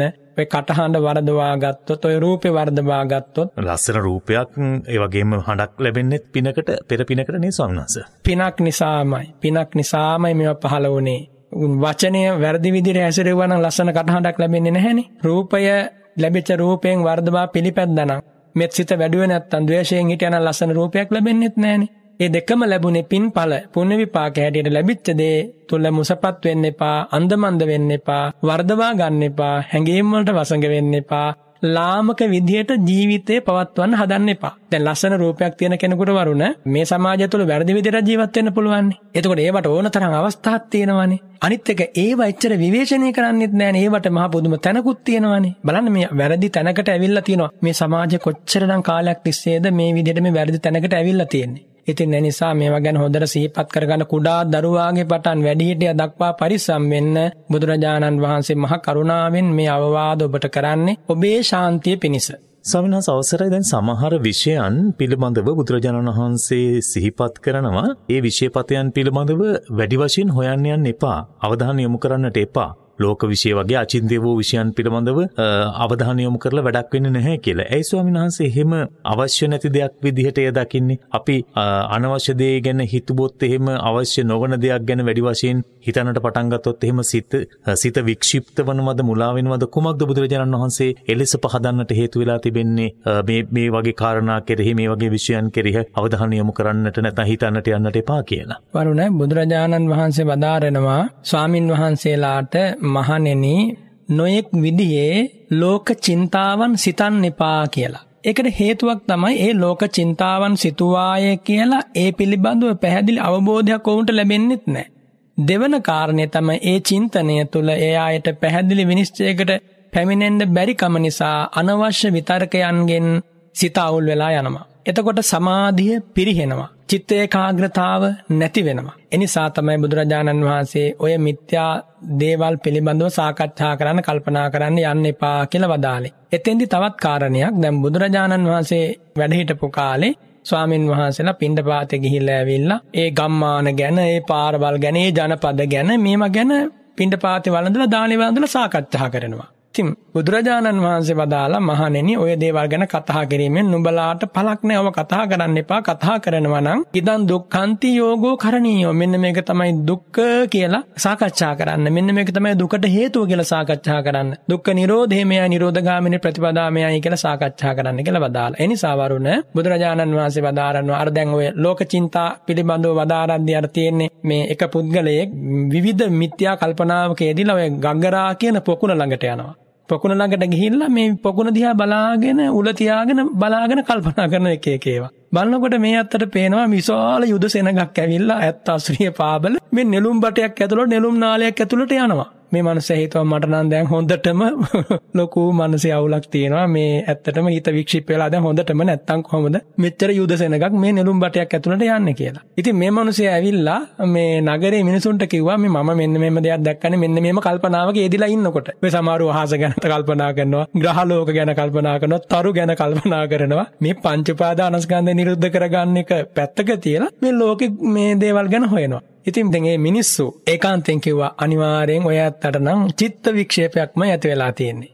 මේ මනස හොඳටම අවුල් වෙලා නැත්තම් කොහොම දෙයක් වෙන්නේ කොහොමද කියලා අර ලාමක වචනේ කියලා දොස් කිව්වා. ඉතින් බුදුරජාණන් වහන්සේ වදාारणව මහණෙනි මේ මිනිස්සයා දැක්කේ ඇත්තක් කියනවා. මේ මනුස්සයා දැක්කේ ඇත්තක් සුරාසුර යුද්ධයක් පැවතිලා දෙවියන් ඉදිරියේ අසුරයෝ පෙරදිලා මේ දෙවියන්ට නොපෙනෙන විදිහට පලා යන්න ඕන කියලා මේ මේ විදි උපක්‍රමයක් අනුගමනය කළා. ඒක මේ මනුස්සයා දැක්කේ මේ මනුස්සට මේක කියලා දෙන කවුරුවත් නැහනේ. ඉතින් ඒ නිසා ඔය ලෝක චින්තාවන් හිතලා කිසිදාක තථාගතයන් වහන්සේ අර ලෝකේ වෙන්න කිසි කෙනෙකුට ඒක අවසන් කරන්න බෑ. සබ්බඤ්ඤෝ සබ්බ දස්සාවි. අවබෝධයක් ලබන්න බෑ. අර තියෙන්නේ වරුණ යාවතකං ඤෙය්‍යං තාවතකං ඥානං කියලා. අවබෝධ කළ යුතු යමක් යම් තාක් ධර්ම මේ ලෝකෙ වෙත්නම්. ඒ කියන්නේ මේ සචිත්තක අචිත්තක මේ සක්වල පිටසක්වල විශ්වය ගැන සාගර ගැන මුහුදු ගැන පරුවත ගැන පොළව ගැන තමනක් තියෙන ඕන දෙයක්. අවබෝධ කළ යුතු දේවල් වේ නම් ඔය සියල්ලම දන්නේ බුදුරජාණන් වහන්සේ විතරයි. මොකද ඒ තරම් ප්‍රඥාව හිමිවන්නේ තථාගතයන් වහන්සේට. එතනින් මෙහා කිසිම ශ්‍රාවකයෙකුට එක විශේෂ නැහැ. එනිසා මේ අපි මේ පුංචි කාලයක් ජීවත් වෙන්න ආවිල්ලා මනුස්ස ලෝකෙට ලෝකේ තියෙන දේවල් පටලවාගෙන ඒව ඔස්සේ මනස කල්පනා කරලා අවුරුදු 10ක් 15ක් 20ක් ගවේෂණය කළා. ඒ මත එකතු කරගන්නා තොරතුරු ටිකක් නිසා ඔළුව මාන්නෙන් උදුම්ම වාගෙන ඊළඟට මේ ධර්මයටත් අපහාස කරලා ඊළඟට මේ මිත්‍යා ශාස්ත්‍රයක් උලුප්පාගෙන බටහිර විද්‍යාව කියලා ඉන් අනතුරුව මේ තතහාග දර්ශනයට පවා අභියෝග කරන තරමට මනස සැහැසි කරගෙන මේ මිනිස්සු කොහෙද යන්නේ? එනිසා මේව ගැන හොඳට කල්පනා කරන්න මේ අපිට තියෙන අභිමානය, අපට තියෙන ශක්තිය, අපට තියෙන ශාන්තිය අපමණයි. එනිසා මේ මෙච්චර විවරණයක් ලෝකය ගැන දැන් අපිට ලෝකය ගැන ඔතොරතුරු හොයන්න මේ බටහිර විද්‍යාඥයන්ගෙන් අහන්න ඕනද? බුදුරජාණන් වහන්සේ සක් ආනන්ද ස්වාමීන් වහන්සේට කියනවා ආනන්ද මේ සක්වල මෙහෙමයි සකස් වෙලා තියෙන්නේ. මෙතනින් එහා තවත් සක්වල 1000ක් තියෙනවා. එතනින් එහා තවත් මෙහෙම තියෙනවා. එතනින් එහා කෝටි ලක්ෂයක් සක්වල, එතනින් එහා අනන්ත සක්වල. සක්වලක සැලැස්ම, එහි පිහිටීම, එහි දුර මේවා කිසිම ආයි කියන්නේ තව කෙනෙකුට හිතන්නවත් දෙයක් නැහැ. ඊට පස්සේ ආනන්ද ස්වාමීන් වහන්සේ අහනවා ස්වාමීනි භාග්‍යතුන් වහන්සේ කොච්චර ඈතට හැන කතා කරන්න පුළුවන්ද? භාග්‍යතුන් හැම දේශනා කරනවා යාවතා ආනන්දාකංකෙයි. ආනන්ද කැමැතිතාක් සක්වලට හැන කතා කරන්න පුළුවන්. මේ මෙච්චර අනුත්තර ශාස්ත්‍රූන් වහන්සේ කෙනෙක් ඉඳි හරිනම් බාහිර කිසිම දෙයකට සවන් දෙන්නවත් හොඳ නැහැ. මට හිතෙනවා ස්වාමීන් වහන්සේ අපි ධර්ම ග්‍රන්ථ පරිශීලනය කරලා නැති නිසාද දන්නේ අපිට මේ දැනුම නැත්තේ බොහෝ දෙනෙකුට. දැන් බුදුරජාණන් වහන්සේගේ මේ දේශනාව තුළ වහන්සේ පැහැදිලි කළ ආකාරයට නොඑක් ආකාරයේ හැම දෙයක් පිළිබඳම ආවරණයක් තිබෙනවා හැම දෙයක් පිළිබඳම සාකච්ඡා කරලා තිබෙනවා. හැබැයි අපි ඒ දකින්නේ නැහැ. අපි දකිනවා අඩුයි සහ බටහිරින් එන විවිධ දේවල් වලට තමයි අපේ හිතේ වැඩි කැමැත්තක් ඇති වෙලා තිබෙන්නේ. ඒ බටහිරින් එන දේවල් තමයි අපි ඉමහත් ආකාරයෙන් පිළිගන්නට සූදානම් වෙලා තිබෙන්නේ. ඔය ඒකත් එහෙමයි පරිශීලනය නොකිරීමත් එහෙම. අනිත් එක දැන් අපිට මේ ගැන දැන් අපේ දේවල් ගැන අගයක් නැහැ හැම වෙලාවකම මේ පොදු මානසිකත්වයේ වුණතාවයක් තමයි නැත්නම් දුර්වලතාවක් තමයි තමා සතු දේ තමන් සතු දේ ගැන අගයන්න කැමති වෙන්නේ නැහැ. ඊළඟට මේ බාහිරින් එන දේකටම හැම වෙලාවකම ඇස කන යොමු වෙන්නේ. මේක මහ දුර්ගුණයක් මිනිසුන්ගේ තියෙන. ඒ නිසා තමා තුළ තියෙන සීලය, ශ්‍රද්ධාව තමන්ගේ ශාස්ත්‍රූන් වහන්සේ මේව ගැන අභිමානයක් ඇති කරන්න. මෙච්චර අසම සම ਸਰවඥවරයෙක් තමයි අපේ ශාස්ත්‍රූන් වහන්සේ. එසේ ਸਰවඥ නො වූ ශාස්ත්‍රවරු අදහන මිනිස්සු කොයිතරම් ඒවට පේවෙනවද වරුණ ලෝකේ? ජීවිත පරිත්‍යාග කරනවා ඒ වෙනුවෙන්. මේ අපාය යන්න බලාගෙන. එයතු දන්නේ නැහැ යන්නේ අපාය කියලා. ඉතින් එනිසා මෙච්චර මහා කාරුණික නිදුකානන් වහන්සේ කෙනෙකුගේ සිරිපාදක සිහි වුණත් මොකද වෙන්නේ මේ කෙනෙකුට සුගතිය උපදිනවා. ඒ සිරිපා මවාගත්තොත් ඉතින් මෙහෙම වෙන්න ඇති කියලා. ඒ සිවුර මෙහෙමයි කියලා මවාගත්තොත් ඒ ගමන මෙහෙමයි ඒ වැඩ සිටීම මෙහෙමයි ඒ දම් දෙසීම මෙහෙමයි ඒ දන් වැළඳීම මෙහෙමයි තථාගතයන් වහන්සේගේ. එහෙම ඒ ඕනම ඉරියාවක් භාග්‍යවතුන් වහන්සේගේ ජීවිතයේ එක දවසක ඕනම ඉරියව්වක්. ඒ කියන්නේ ඕනම තැනක් ඕනම නිමේෂයක් ගැන යම් පුද්ගලයෙක් මනසිකාර කළ හිතලා මෙන්න මෙහෙම වෙන්න ඇති භාග්‍යතුන් වහන්සේගේ මේ ඉරියව්ව කියලා හිතලා සිත පාදවා ගත්තොත් එයා ඒකාන්තයෙන් සුගතියි. එයාට නිවන් දකින නිවන් මඟ විවර වෙනවා. හොඳයි අපිට අද වැඩසටහනෙන් සමුගන්නත් කාල වේලාව ලං වෙලා තිබෙන්නේ ස්වාමීන් වහන්සේම අවසාන වශයෙන් වහන්සේගෙන් දැනගන්නට කැමතියි මට යොමු කරපු ගැටලුවක් මේ වැඩසටහන ශ්‍රවණය කරන ශ්‍රාවිකාවක්. එතුමිය විමසලා තිබෙනවා ස්වාමීන් වහන්සේ බුදුරජාණන් වහන්සේ වැඩ සිටි ස්ථාන ඒ පුණ්‍ය භූමි සතර ස්ථාන දැක සංවේගයක් ඇති කරගන්න කියලා බොහෝ දෙනා සිහිපත් කරනවා කියන කාරණේ. දැන් අපි දකිනවා බුදුරජාණන් වහන්සේ වැඩ හිටපු පුණ්‍ය භූමි දඹදිව සිද්ධාස්ථාන වඳින්නට යන පිරිස් ඒ සඳහා යොමු වෙනකොටම අපිට ඇහෙන කාරණාවක් තමයි සතර ස්ථාන දැක සංවේගය උපදවා ගන්න. ඇය විමසා සිටින කුමක්ද මේ සංවේගය කියලා දුකටපත් වීමද කනගාටුවටපත් වීමද මොකද්ද මෙහින් අර්ථ ගැන්වෙන්නේ කියන කාරණේ ධර්මානුකූලව විග්‍රහ කරලා දෙන්න කියලා එතුමි සිහිපත් කරනවා. මොකද අද අපි හිතන්නේ දේශනාවටත් මේක සම්බන්ධ කරගන්නට හැකියාවක් තිබෙනවා. කාම කතා, ජනපද කතා මේ ආදි වශයෙන් වහන්සේ කාරණා පිළිබඳව සිහිපත් කරපු නිසා බුදුරජාණන් වහන්සේගේ මේ සුවිශේෂී වූ සතර ස්ථානයන් ඇතුළු කොටගත් පූජනීය සිද්ධාස්ථාන දැක සංවේගය උපදවාගත යුත්තේ ඇයි මොකද්ද මෙහි සංවේගය කියලා අර්ථ ගැන්වෙන්නේ ස්වාමීන් වහන්සේ. එතන සංවේගය කියන්නේ වරුණ මේ ද්වේෂමූල සිත් පහල කර ගැනීම නෙවෙයි. දැන් රහතන් වහන්සේලා පවා තථාගතයන් වහන්සේ පිරිනිවන් වඩනවා දැකලා දහම් සංවේගය උපදවා ගත්තා. ඒ කියන්නේ දේශනාවේ කියන්නේ මේ කැඩෙන බිඳෙන දේවල් නොකැඩේවා නොබිඳේවා කියන දේ කුතෙත ලබ්හා කියන කොහෙන් ලෝකේ ලබන්නද? එහෙම දෙයක් ලබන්න බෑ. එනිසා මේ සංස්කාර ධර්මයෝ නැසී යනවා වෙනසී යනවා කියන සංඥාව ඒ කල්පනාව ඇතිකර ගැනීමයි ඔය සංවේගය ඇතිකර ගැනීම කියන්නේ. එතකොට බුදුරජාණන් වහන්සේ වැඩ හිටපු භාග්‍යතුන් වහන්සේ මේ මිහි මඩලට පහළ වෙච්ච ලුම්බිනී සල්වනේ ළඟට යනවා ගිහිල්ලා බුද්ධාලම්බන ප්‍රීතිය උපදවා ගන්නවා. මෙතන තමයි මේ මහා වීර උතුමන් වහන්සේ සිරිපා පළමු කොට මේ මහා පොළොවේ තැබුවේ කියලා. ඔන්න බුද්ධාලම්බන ප්‍රීතිය උපදවාගෙන ඉන්න අනතුරුව හිතනවා ඒ උතුමන් වහන්සේ පහළ වෙලා ඒ උතුමන් වහන්සේ පිරිනිවන් වැඩි ආදා අපිට දැක ගන්න ලැබෙන්නේ මේ ස්මාරකයේ පමණයි. කියලා යාට සංවේගයක් ඇති වෙනවා. ඒ සංවේගය තුල යාට එනවා මේ සබ්බේ සංඛාරා අනිච්චා සියලු සංස්කාර ධර්මයෝ අනිත්‍යයි. සබ්බේ සංඛාරා දුක්ඛා මේ සංස්කාර ධර්මයෝ දුකයි මේ අනාත්මයි. මේ තරම් මහේෂාකි උතුමන් වහන්සේ නමක් බුද්ධගයා පින්බිමේ මහ පොළොව කම්පා කරමින් ලෝතුරා බුද්ධ රාජ්‍යයටපත් වුණා. අද යනකොට දැක ගන්න ලැබෙන්නේ බෝධින් වහන්සේ සාය පිළිම වහන්සේ විතරයි. ඒ වගේම ඉසිපතන මිගදායට අද යනකොට දැක ගන්න ලැබෙන්නේ ගඩොල් වලින් කරන ලද කුඩා සෑයක් පමණයි. ගල් කණු ටිකක් පමණයි. අද යනකොට දැක ගන්න ලැබෙන්නේ උපවත්තන ශාල වනෝද්‍යානට ඒ වගේ නටබුන් ටිකක් පමණයි. ඉතින් මේවා දකිනකොට බුදුරජාන් වහන්සේ වදාරනවා අර සංඥාව හිතර ගන්න ඕනි මෙතන තමයි ඒ භාග්‍යවතුන් වහන්සේ පහළ වුණේ කියලා සිත පහදවා ගන්නවා. අන්නේ සිත පහදවා ගැනීම තමයි ඔතන සංවේගය උපදවා ගැනීම කියන්නේ නැත්තම් ශෝකය කඳුල උපදවා ගැනීම නෙමෙයි. ඒ වගේ මේ සිත පහදවා ගැනීමත් සමග මේ භාග්‍යතුන් වහන්සේ ශ්‍රී සද්ධර්මයේ දේශනා කළ තුන් ලෝකයක් සනසලා පිරිනිවන් වැඩියා.